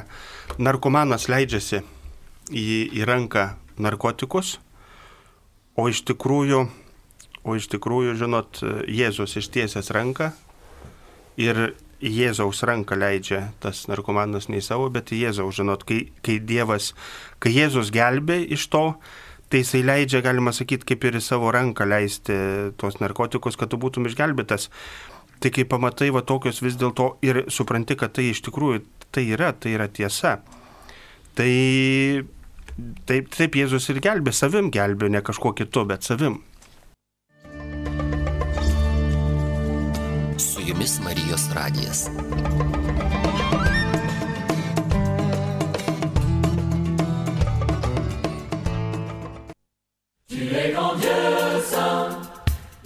soit nom, tu es grand Dieu ta miséricorde et ton amour. Tu es grand. Dieu fort. Et nous célébrons Dieu de tendresse, ta miséricorde et ton amour.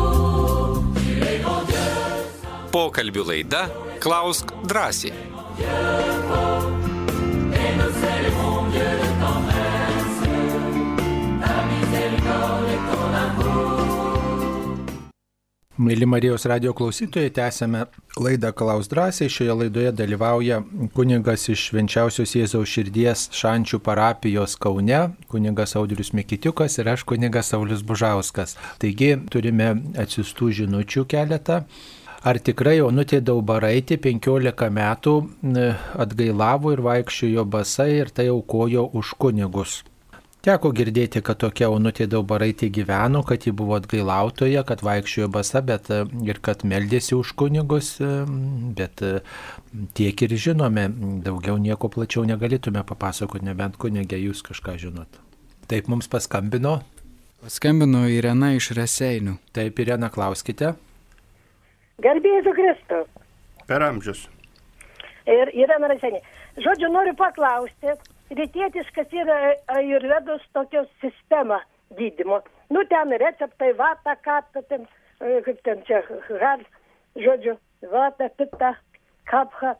Žodžiu, ar galima naudotis, ar katalikėbai neprieštarauja tos tie, tie receptai ir, ir gydimas? Bet... Nu, čia atsakymas tai yra labai paprastas.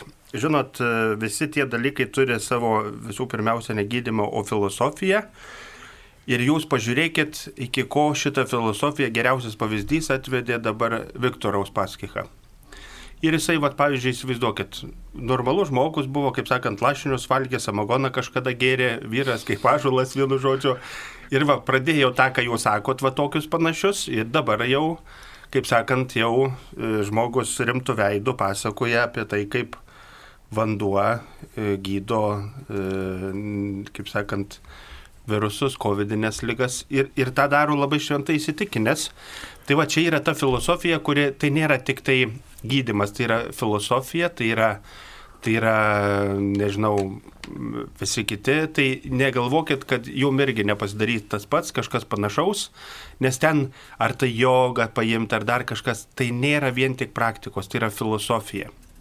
Ir ta filosofija vat, pereina į žmogaus gyvenimą ir iš tikrųjų, vat, manau, kad e, paskui iš šona žmonės žiūri ir jau negali atpažinti, nes kalba, kuti, kai atrodo, kad būtų kaip aš, ko nors rūkęs. Sumeskite pečių visas tas, e, visus tuos receptus, rekomendacijas, nes tai yra pirmojo Dievo įsakymo pažeidimas ir būtų gerai, kad prieidama iš pažinties, tai išpažintumėte, kad jūsų gyvenime buvo tokių praktikų. Mums dar paskambino. Janė iš Ratničios. Taip, Janė, klauskite. Garbė Jėzų Kristui. Per amžius amen. E, Šitą, nusipirkau knygelę, e, šitą, nu kaip sakyt, e, atsitiktinai ir gerai nepasižiūrėjau.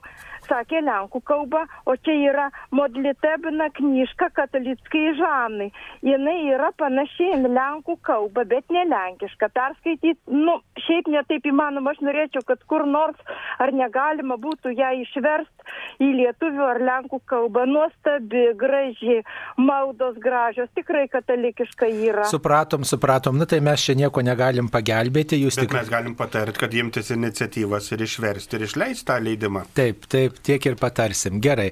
Dabar žiūrim kitus klausimus. E, taip, kitus klausimus. Koks likimas savižudžio sielos? Nu, tai žinot, savižudis yra žmogus visų pirmiausia, kuris papuola į tam tikrą nepavydėtiną situaciją dėl įvairiausių dalykų, dėl psichinių lygų, dėl gyvenimo negandų, dėl nervo sistemos nusilpimo, dėl nuovirgų, dėl apgaulės, dėl baimės. Manau, kad yra milijonai, milijonai priežasčių ir mums pasakyti, e, kaip, taigi Dievo gailestingumas yra beribis, vis viską mato. Ir aš manau, kad daugelis žmonių prieš nusižudydami šaukėsi, maldauja ir, ir žinot, visą gerklę šaukia Dievo, kad Dievas nepaliktų, kad Dievas e, tik tai ne, ne, ne, nenusisuktų. Manau, kad jeigu žmogus žudusi, tai patikėkit manim, ten yra tokia būsena, kur žmogus yra, manau, kad labai baisioj būsenoj ir kad tikrai esu šventai įsitikinęs, kad ten yra Dievas labiausiai, kuris nuolat gelbi. Ir pasakyti, kad savižudis tai jau viskas, manau, kad ne, jisai yra, kai kurie savižudžiai, manau, yra e, labai labai stipriai susijęs su, su tavo, kaip ir, kitaip tariant, toj kančioj, tai nu, nėra taip, kad nebūtų Dievo, jis, jis yra iki galo kančioj ir jisai išgano ir, ir manau, kad mes labai blogai suvokiam Dievą vis dėlto. Mes jį suvokiam tokiu kaip įstatymų e, direktorių, leidžiantį įstatymus, o ne kaip tėvą. Ir čia, manau, yra didžioji problema, iš kurio kyla va tokie klausimai.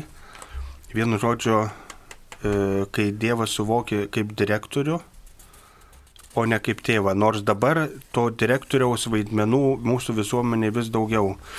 Kunigai tapę direktoriais, vienu žodžiu, visi tapę direktoriais, viskupai irgi, kaip sakant, daugiau, nes kad e, tokia, ta tokia, žinot, neįstatymų leidyba ir, ir, ir, ir būtent teisingumo, kad tie įstatymai būtų gyvendinti, to direktoriavimo mūsų aplinkoje tiek daug, o to tėviškumo taip trūksta, tai mums gali atrodyti kartais, kad iš tikrųjų, kad ir Dievas yra direktorius, o ne mylintis tėvas. Tai čia siūlyčiau nepaslysti, o vis prisiminti, kad Dievas yra ne direktorius, o mylintis tėvas.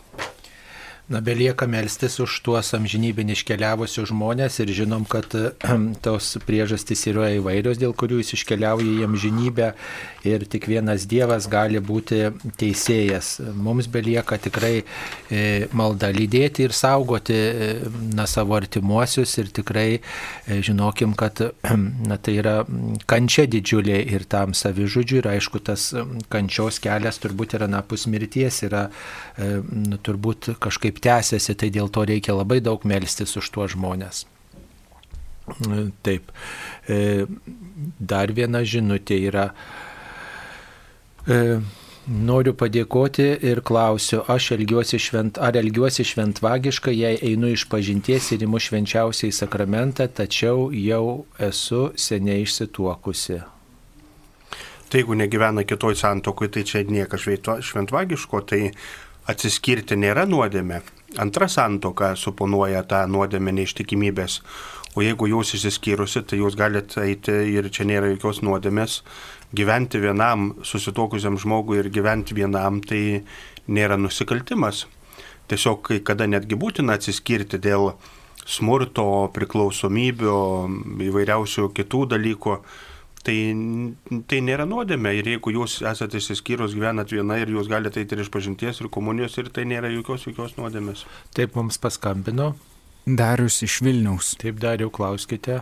Garbėjai Jėzui Kristui. Per amžius. Norėjau paklausti, kodėl Dievas leido atsirasti koronavirusui, juk Dievas yra meilė. Dėkui už atsakymą.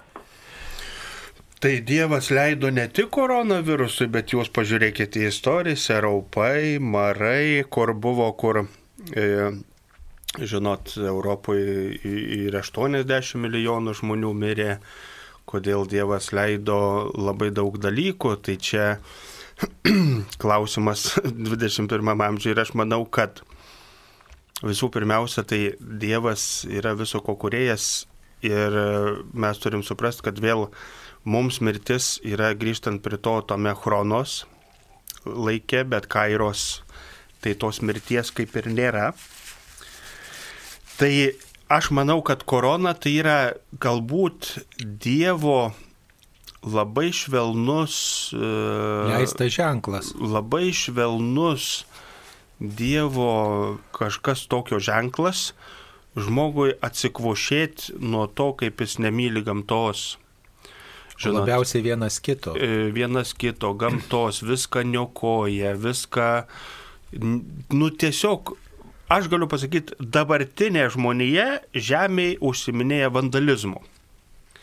Bet jeigu mes pamatom reušės, kur žmonės daužo kėdės, laužo vitrinas, automobilius padeginėja, tai visiškai Dievo akimis taip elgesi visa, visa e, žmonėje, kas liečia šiukšlių, visą ekologijos sistemą, politiką ir taip toliau panašiai.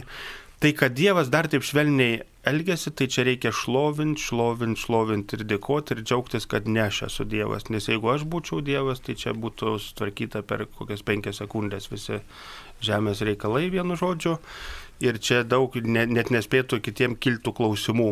E, bet vat, kad Dievas yra Dievas, tai vat, jisai ir leidžia taip švelniai iš toli rodyti ženklus, raginti, įspėti ir taip toliau ir panašiai. Aš tai manau, kad tai, ką žmogus išdarinėja su Dievo kūryba, tai Dievo meilė ir kantrumui, tai nu tiesiog nėra, nėra ribų, nėra ribų. Bet matot, nepamirškit, kad Dievas ir yra Dievas, kad jis bet kokį blogį gali išvesti į gėrį. Dar vienas klausimas, kodėl evangelistų skirtingų laikų parašytos evangelijos vadinamos Dievo žodžiu. Na, vadinamos Dievo žodžiu dėl to, kad...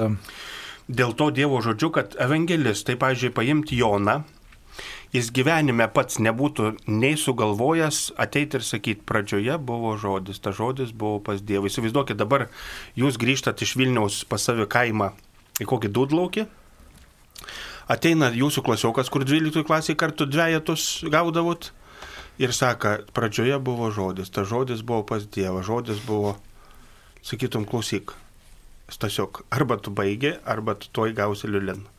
Vienu žodžiu, žmonės, tai, kas yra užrašyta Biblijoje, žmonės negalėjo taip kalbėti. Kitaip tariant, tai yra e, Dievo mintis užrašytos pasitelkiant e, tam tikrus žmonės. Ir dabar tas vyksta. Taigi Dievas ir dabar veikia per žmonės. Bet galbūt ne, nerašyt, bet darbus įvairius. Pavyzdžiui, aš tikrai pažįstu ne vieną vienuolę, kuri žiūrint į ją ir, nu, matus Dievo darbai. Pavyzdžiui, kai kiti ten kunigai, įtakingi, garbingi.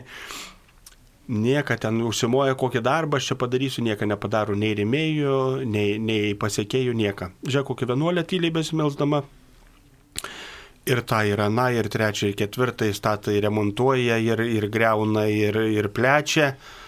Nu ir dabar lygiai tą patį Dievas daro. Dievo darbai tai yra vyksta, vyko, vyksta ir vyks.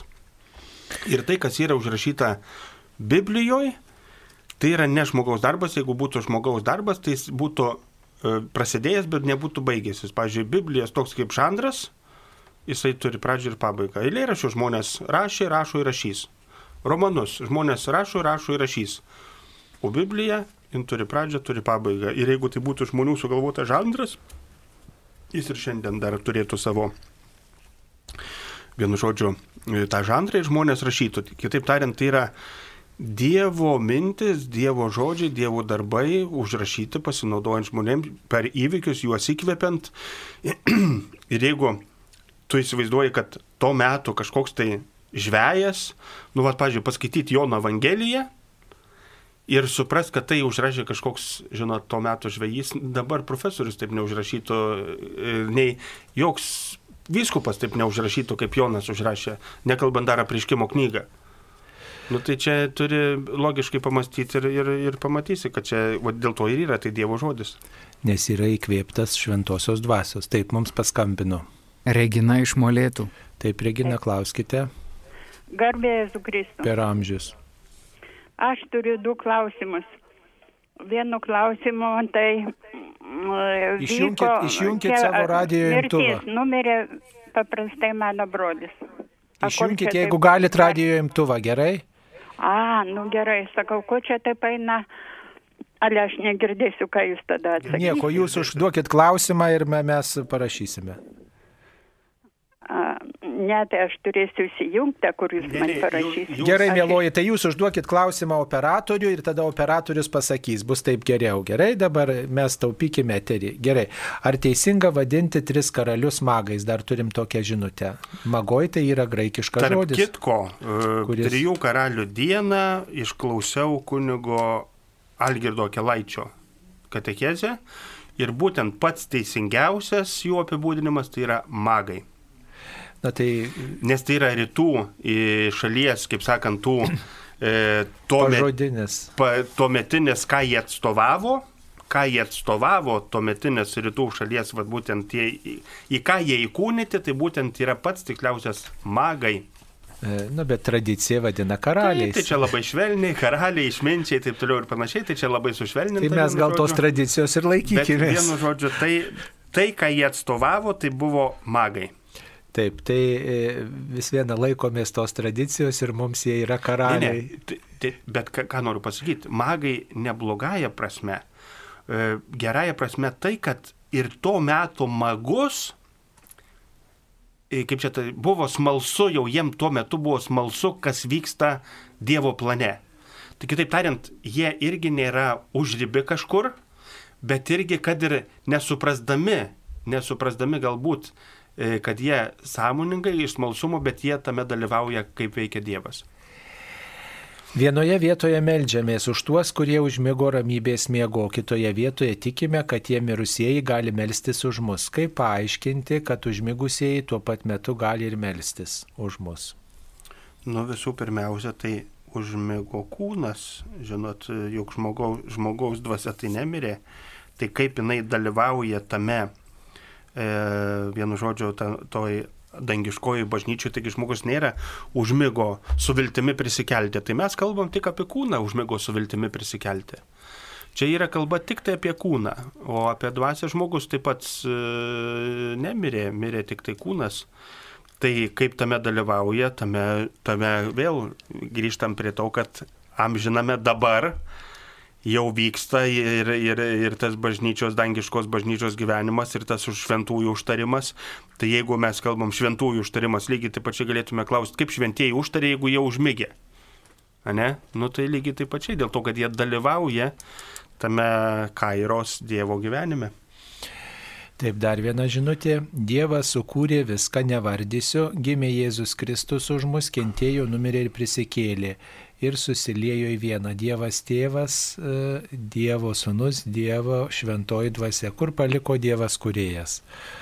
Na, neišnyko tas Dievas kurėjas ir nesusiliejo į vieną, nes nors yra e, Dievas vienas, bet yra trijose Bet asmenyse. manau, kad čia biški e, truputį klysta, galvoja, kad Jėzaus Kristaus nebuvo prieš gimimą. Nes tai ir... Manau, kad Jėzus Kristus įsivaizduoja, kad jis atsirado tik gim, gimdamas. Taip, ko nežinau, kaip Jo, jo, ne, ne. Švenčiausiai trejybė buvo nuo amžių ir per amžius Jėzus Kristus negimė. Jėzus Kristus tik priėmė žmogaus prigimtį ir jisai gimė kaip žmogus, bet ne, ne, ne, čia nėra, nes daugelis žmonių galvoja, kad prieš tai Jėzaus Kristaus nebuvo, nu kaip sunaus, turiu galvoje, Dievo sunaus, net trejybės asmens. Ir jis galvoja, kad e, tre- tas Dievo e, trečiasis asmo kaip sunus atsirado tik tai, kai gimė. Ne, e, trečiasis asmuo buvo nuo amžių, bet jis tik atėjus laiko pilnatvė priėmė žmogaus prigimtį. Nėra taip, kad Jėzus Kristus kaip sunus Dievo atsirado tik tai e, prieš 2000 metų. Na, čia turbūt dar nori pasakyti, kur pražuvo kūrėjas, jeigu vat, e, e, viską sukūrė, mes į Jėzų Kristų kreipiam dėmesį, o kur tas Dievas kūrėjas? Jis, yra, jis yra tas Dievas kūrėjas, yra, Taigi, buvo ir bus. Jis niekur nepražuvo, kur Jėzus Kristus būdamas ant kryžiaus kreipėsi į tėvą. Taip, vienu žodžiu, Dievas ir yra toks slėpinys, kad mes e, galim suprasti jį tik per Jėzų Kristų, kuris, e, kuris yra apreiškęs tėvą. Apreiškęs tėvą, taip, ir, ir mes visą Dievo pilnatvę suprasim nukeliavę į amžinybę. Dėl to mes ir tikime Jėzumi e, kaip didžiausių Dievo apreiškėjų, atskleidėjų mums. Taip, mums paskambino. Perskaitysiu ponios Reginos išmolėtų du klausimus. Jis sako, kad mirė brolis, jis įsirgo COVID virusu ir taip pat visa šeima sirgo. Pone Regina negalėjo dalyvauti mišiuose, bet dalyvavo mišiuose per Marijos radiją, kurios vyko tuo pat metu. Ar tai bus tas pats, kaip bažnyčioje ir užsiskaito tokia malda ir kitas klausimas, kaip atliekamas ligonių patepimas. Tai mišios tikrai e, galioja ir tikrai džiugu, kad galėjo būti tuo pačiu metu ir kad jūs meldėtės. E, belieka tik tai artimiausių metų priimti šventąją komuniją, kai tik tai galėsite e, priimti šventą komuniją. Tarp kitko šventos komunijos priimimas nėra pribotas bažnyčiose, jūs galite paskambinti artimiausiam parapijos kunigu ir paprašyti, kad jums suteiktų šventąją komuniją. Ir susitarus su kunigu galite bet kada tą padaryti ir atlikti išpažinti ir priimti šventą komuniją, kaip tik tai e, melzdamasi už savo mirusi brolį. O ligonių patepimas tai vykdomas įprasta tvarka, kaip ir bažnyčios numatyta malda ir patepimu. E, tai e, tie, kurie serga sunkia lyga, tikrai gali kreiptis į, į vietinį kunigą arba į kapelioną ir tikrai bus ligonių patepimas atliktas ligonių kapelionai šitą sakramentą teikia ligoninėse, o tai ir namuose, tas, kas serga, jie gali kreiptis į, į, į savo parapijos kunigą ir tikėti šio sakramento. Mums paskambino. Paskambino Egidijus iš Telšių. Taip, Egidijau, klauskite. Garbėjai Kristui. Per amžius. Žinot, buvau taip vadinamoj toj šventojų žemėje ir ten dabar vaikštom, sevastacijos užžymėtos, viską kiek patys žinot istoriją, e, po paskutinio žydų sukilimo romėnai tą miestą visiškai sugriovė, sunaik, pastatė visiškai naują, su naujom gatvėm, kitom pastatais, žydam iš visų uždraudė tą miestą, rodytis tą mieste, reiškia, o dabar kažkaip keista, atsiranda vat stacijos, kad čia įsėjo tenai žmonės, ten labai tiki, ten kitur net armėnų bažnyčia pastatyta vienoj stacijai, taip kažkaip, e, nu, nesu, ar čia iš lempos tas, reiškia, koks tai tėvelis dvasiškas nupaišė, nes juk nuotraukų tais laikais nieks nedarė, nei schemų nebuvo, kad būtent čia nais, o ne kitur. Taip, supratom. Reiškia, buvom... Supratom, supratom. Kelia šitą klausimą dėl vietų autentiškumo. Nu, įsivaizduokit dabar, įsivaizduokit tokį dalyką, kad pavyzdžiui, nu, ką čia būtų galima pavaizduoti tokį, kas per antrą pasaulinį karą buvo sugriauta ir sunaikinta, ne? Nu, pavyzdžiui, kokį Varšuvą visiškai buvo su, su, subombarduota, ne? Nu tai dabar nuvažiuoji į Varšuvą ir sakyti, tai ne, ne, čia viskas buvo kitoj vietoj, čia viskas kitai buvo, ne, tai pačiai viskas žmonės atstatė, buvo planai, nuotraukos, e, gyvoji tradicija, viens atėjo, sako, aš taip mačiau, aš taip žinau, taip, taip, jo, jo, žinoma, kad taip, taip, taigi yra žodinė tradicija ir visa kita. Tai jūs, kadangi mūsų laidą skambinat pastoviai ir esate etatinis, tai tiesiog nukeliat klausimus nu, visiškai ne, nereikalaujančių atsakymų, o daugiau galbūt įnešančių kažkokios sumaišties. Žinoma, kad to buvo meto liudininkai, kurie užrašinėjo, perdavė iš lūpų į lūpas. Pavyzdžiui, paimkim lietuvių liaudės dainas, ne? Kiek jų yra, kurių niekada nebuvo užrašyta. Bet žmonės dainavo, dainavo, dainavo, dainavo, dainavo, dainavo, kol atidainavo iki, iki to laiko, kol atsirado raštas, paskui užrašė, paskui kažkas prisiminė, dabar užrašė jau į audio, paskui video. Ir reikia sakyti, ar, ar, ar tai buvo? Nu, tai aišku, kad buvo žmonės, taigi nėra kažkokie tai šernai. Kad žinai, šernai ir tie atsimena, kur pernai bulvės kniso.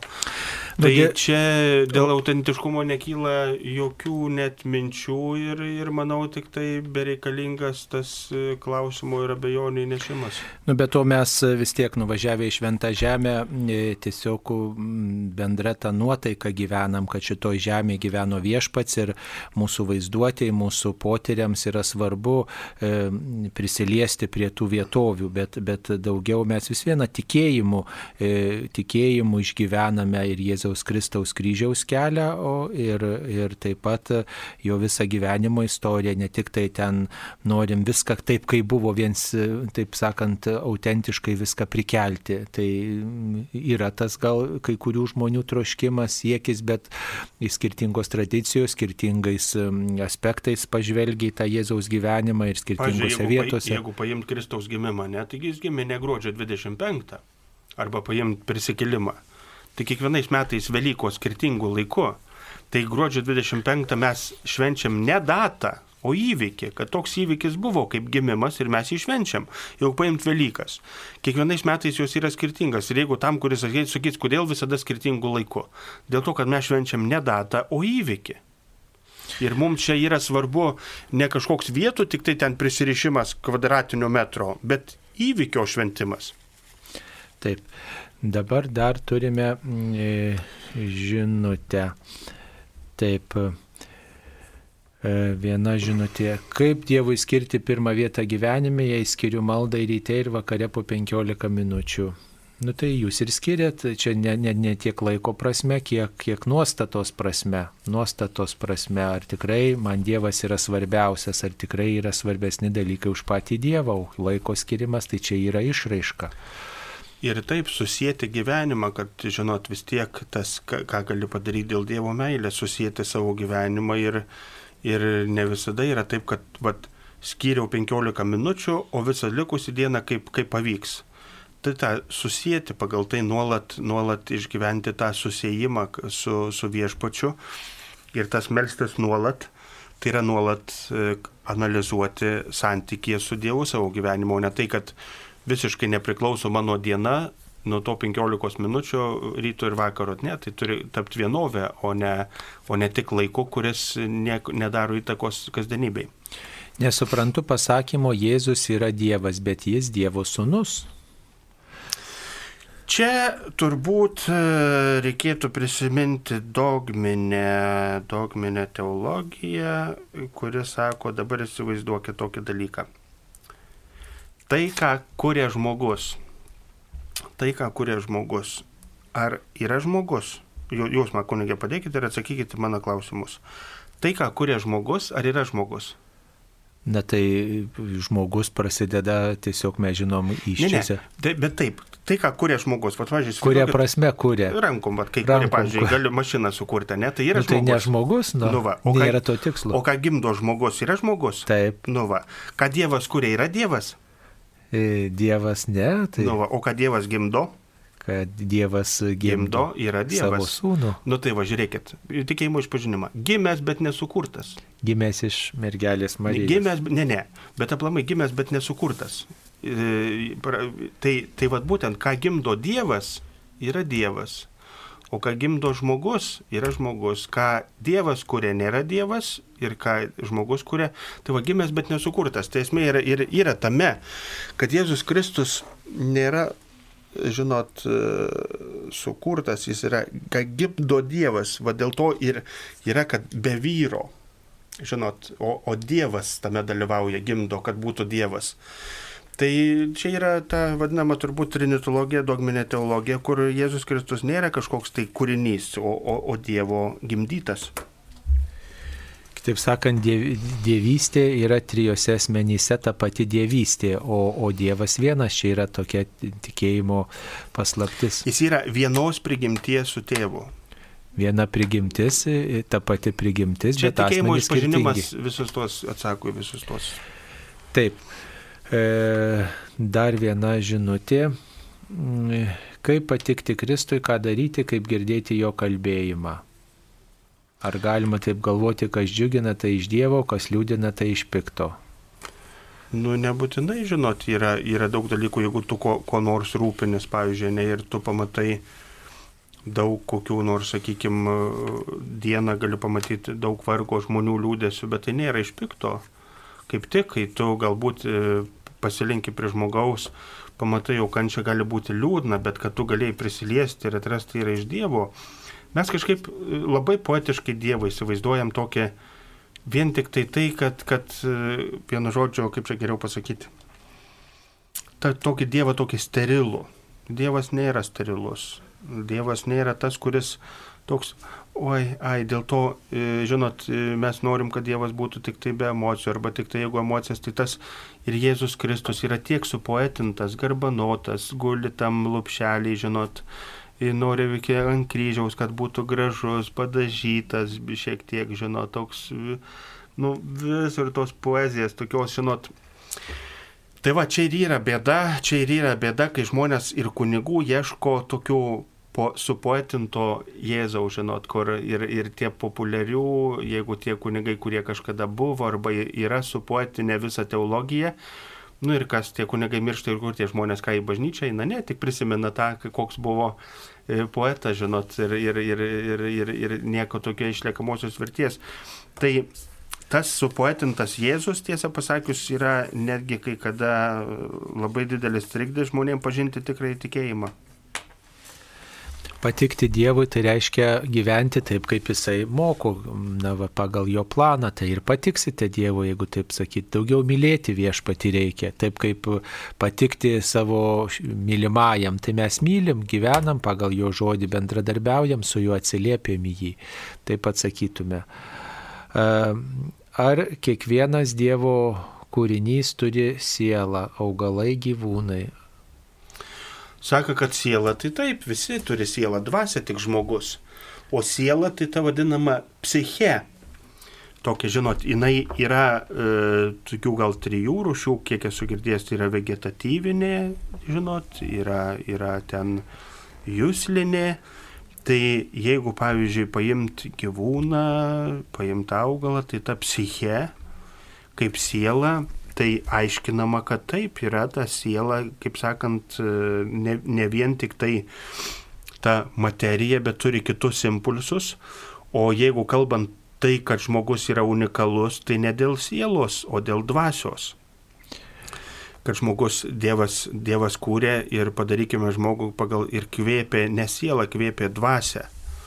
Tai ta dvasia pneuma, vienu žodžiu, ir, ir tas yra žmogaus unikalumas, kad jisai yra uh, dėl dvasios, o, o siela, esu nekartą girdėjęs, aiškina, kad iš tikrųjų turi ir, ir gyvūnai tas, ir, ir, ir, ir augalai tą psichę daugiau, kurie būtų verčiama į žodžių, kad psichė.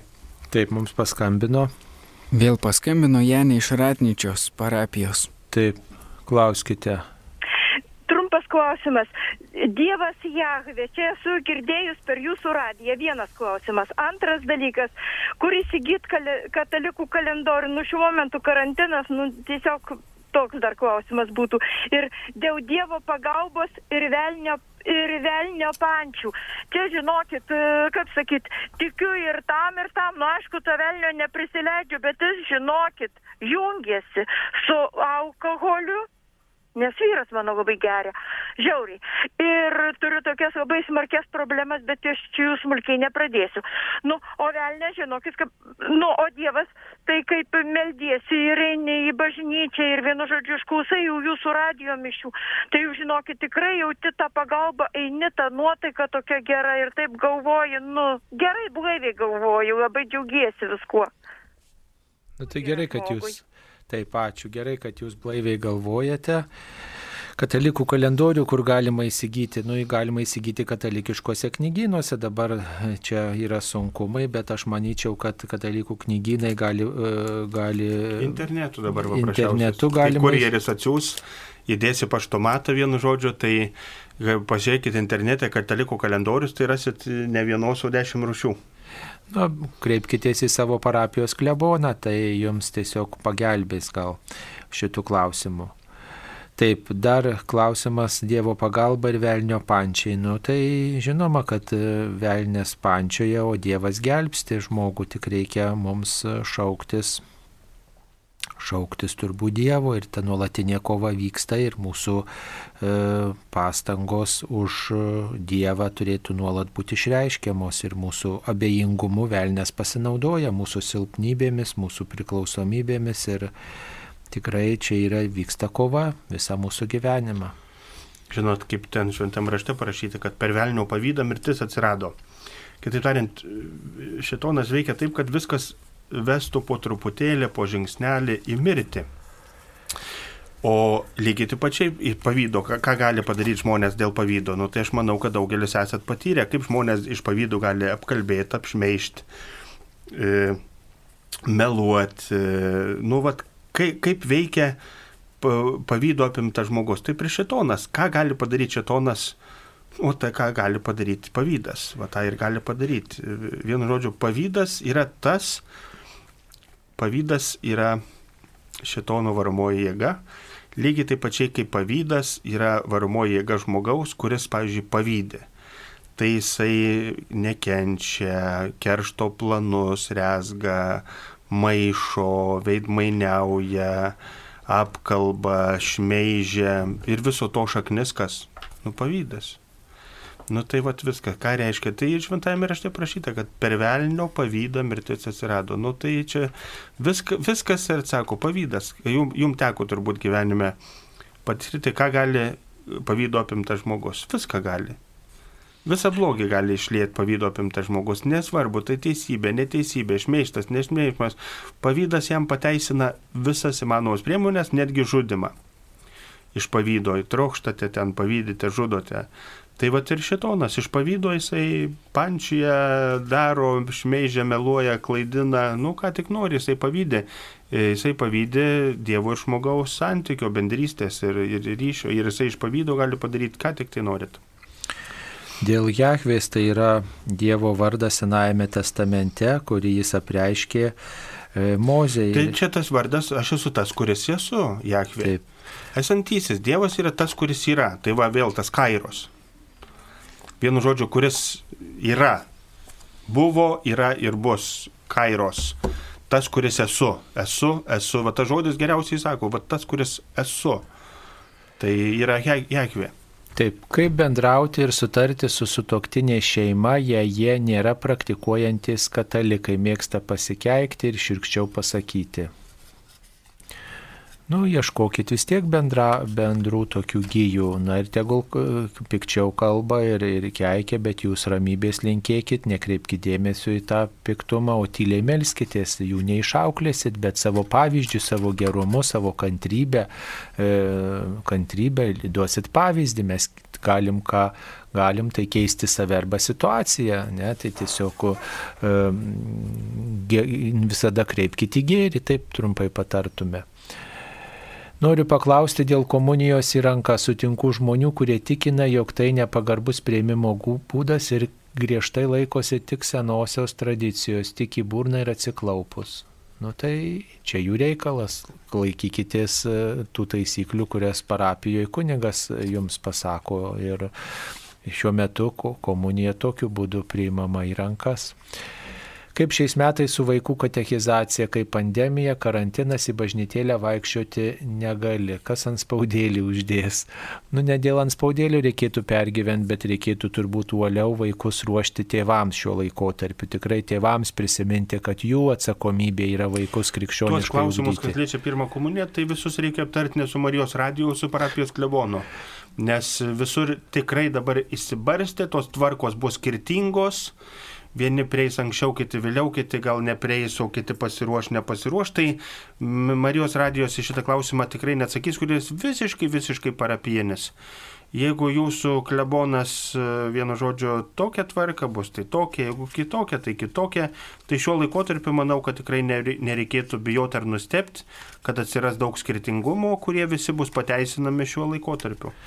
Na, bet e, tikrai atsakomybė, sakyčiau, didesnė tėvams šio laiko tarp labiau perduoti tikėjimą. ir O Tikrai... gal parapijoje yra 92 vienuolės, kurios ten gali dieną po vieną vaiką susitikti ir apmokinti. Nu, čia turbūt Marsė tokios parapijos. Nu, tai, o, o? Labai toli nuvažiuoti. Na, dar vienas klausimas e, kunigui Audriui.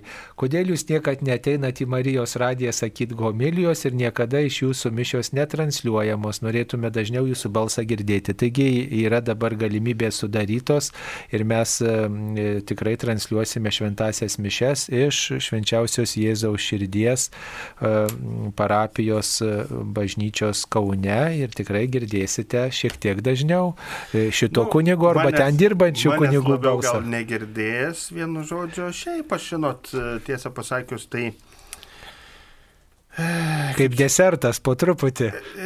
Ne per daug. Ta prasme, žinot, vis tiek, kai pradedi labai daug visur vaidentis, tada atsiranda vėl nereikalingų, kaip sakyt, opozicijų, nereikalingų kitų dalykų. Nu, ta prasme, žinot, čia irgi yra ta, ta viešumo arba to, viskas turi savo kainą.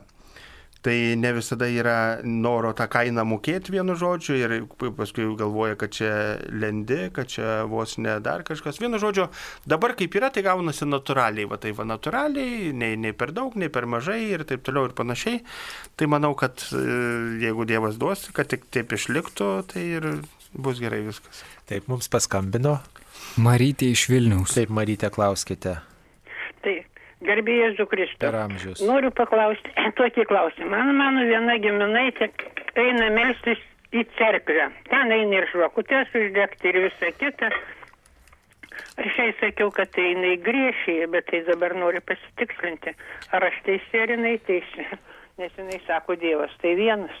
Nu, griešit negriešėje, bet, e, kaip sakoma, e, geriausia laikyti savo bažnyčios ir tų papročių, ir, ir, ir kurios yra mūsų bažnyčioje. Jeigu nueinam ten, pasimeldžiam kažkur kitur, tai nėra didelis nusika, nėra joks, jok, jokia nuodėmė nėra. E, taip pasakytume, bet patartina laikyti savos bažnyčios tradicijų, papročių. Ką reiškia ta uždegta žvakutė? E, ta uždegta žvakutė reiškia, kad aš štai paukoju to, tai bažnyčiai, prie tos bažnyčios išlaikymo, karitatyvinių iniciatyvų prisidedu ir tą žvakutę kaip maldą kaip maldo ženklą ten palieku ir tą žvakutę palydžiu ir savo maldą.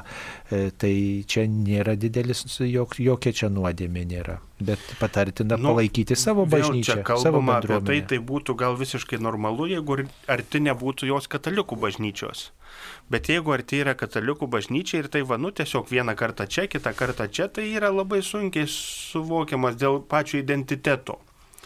Dėl pačio identiteto ir, ir, ir, ir, ir daug kitų dalykų, žinot. Tiesiog, jeigu tu esi katalikas, tai tai tu eini į katalikų bažnyčią. Jeigu būtum pravoslavas, eini į pravoslavą. Ir, ir tai, tas maišymasis būtų visiškai realus, jeigu būtų, nu, nebūtų fizinė galimybė patekti savo bažnyčią. Bet šiaip įdomumo dėliai, tai nežinau, aš... Ne, ne, Tame, žinot, aš tikrai nieko, nieko neturiu prieš pravoslavų bažnyčią, kaip aš nekartą esu sakęs, jeigu aš nebūčiau katalikas, aš būčiau pravoslavas. Bet jeigu esu katalikas ir dar nesu pravoslavas, tai kodėl? Pravoslavai tai neina į katalikų bažnyčią šiaip e, iš įdomumo. Jie labiau suvokia savo identitetą ir, ir šiaip, kad ten eit uždegs žvakutę pravoslavas į katalikų bažnyčią, tai mūsų per amžius nėra girdėta. Nu, čia turbūt gal pavojus didžiausias tas, kad va ten stipriau, ten labiau maldos išklausomos, va tu uždėki už vakutę, tai ten geriau, o mano bažnyčio netaip gerai. Tai čia va toks maginis mąstymas gali įsiterpti. Taip, dar vienas klausimas. Mūsų visata labai didelė, tada ar Jėzus atėjo tik į Žemės planetą ar į kitas? Ir į kitas, aišku, tai kaip čia dabar. Nu, žinot, iš tikrųjų tai yra, turbūt aš e, sunku būtų pasakyti apie, niekas negali pasakyti, ar yra kitos civilizacijos, kitose visatose, galbūt ta visata mūsų tai yra tik tai viena iš milijono kitų visatų. Tai niekas nėra e, iš vienos visatos nuskridė į kitą visatą ir taip toliau. Ta prasme, mes visiškai apriboti esam nuo, nuo tų pažinimų ir jeigu yra kitos visatos, ar ten yra gyvybių, ir kaip tai yra, nu, ta prasme, visiškai čia tik te, hipotetiniai klausimai ir ar tie žmonės, kitos gyvybės ten yra, ar jie taip pat pažįsta Dievą, bet aš manau, kad jeigu jie Dievo sukurti ir taip pačiai, tai aišku, kad pažįsta, ar Dievas apsiribojo vien tik tai mūsų, sakykime, šituo žemės, jeigu tai būtų kabutėse pasakyti projektu, į tai neatsakys niekas, absoliučiai niekas. Manau, kad e, žinia yra ta gera, kad kur mes bebūtume, kad mes turim Dievą, kuris save preiškia ir kad Dievas mus myli. O visi kiti klausimai ir atsakymai tikrai yra nieko daugiau, tik hipotezės. Taip, mums paskambino. Auksė iš Vilniaus. Taip, auksė, klauskite. Garbėzai Kristui. Per amžius. A, Aš norėjau paklausti tokį dalyką kunigo Mikitiuko. A, Dabar bažnyčios yra atviros privačiai maldai. Ir aš kiekvieną dieną einu į bažnyčią ir prieš mečių pradžią e, mes esame išprašomi iš bažnyčios. Tai mano klausimas yra toks. Kadangi žmonių skaičius yra labai sumažėjęs einančių bažnyčią, tai noriu žinoti, kodėl ta maža žmonių grupė yra išprašoma iš mišių, kas yra saugomas, Kristus nuo mūsų, ar mes nuo Kristus. Dėkui. E, Žinot, e, tą klausimą, kurį uždavė, tai lygiai, lygiai, lygiai, lygiai tokio pat e, pozicijos esu ir aš kaip ir jūs. Ir per paskutinį dekanato kunigų posėdį, galima sakyti, tikrai tai buvo gana ar, aršios diskusijos. Ir, ir kunigai iš tikrųjų yra pasidalinę, irgi nenori laikytis tos tvarkos.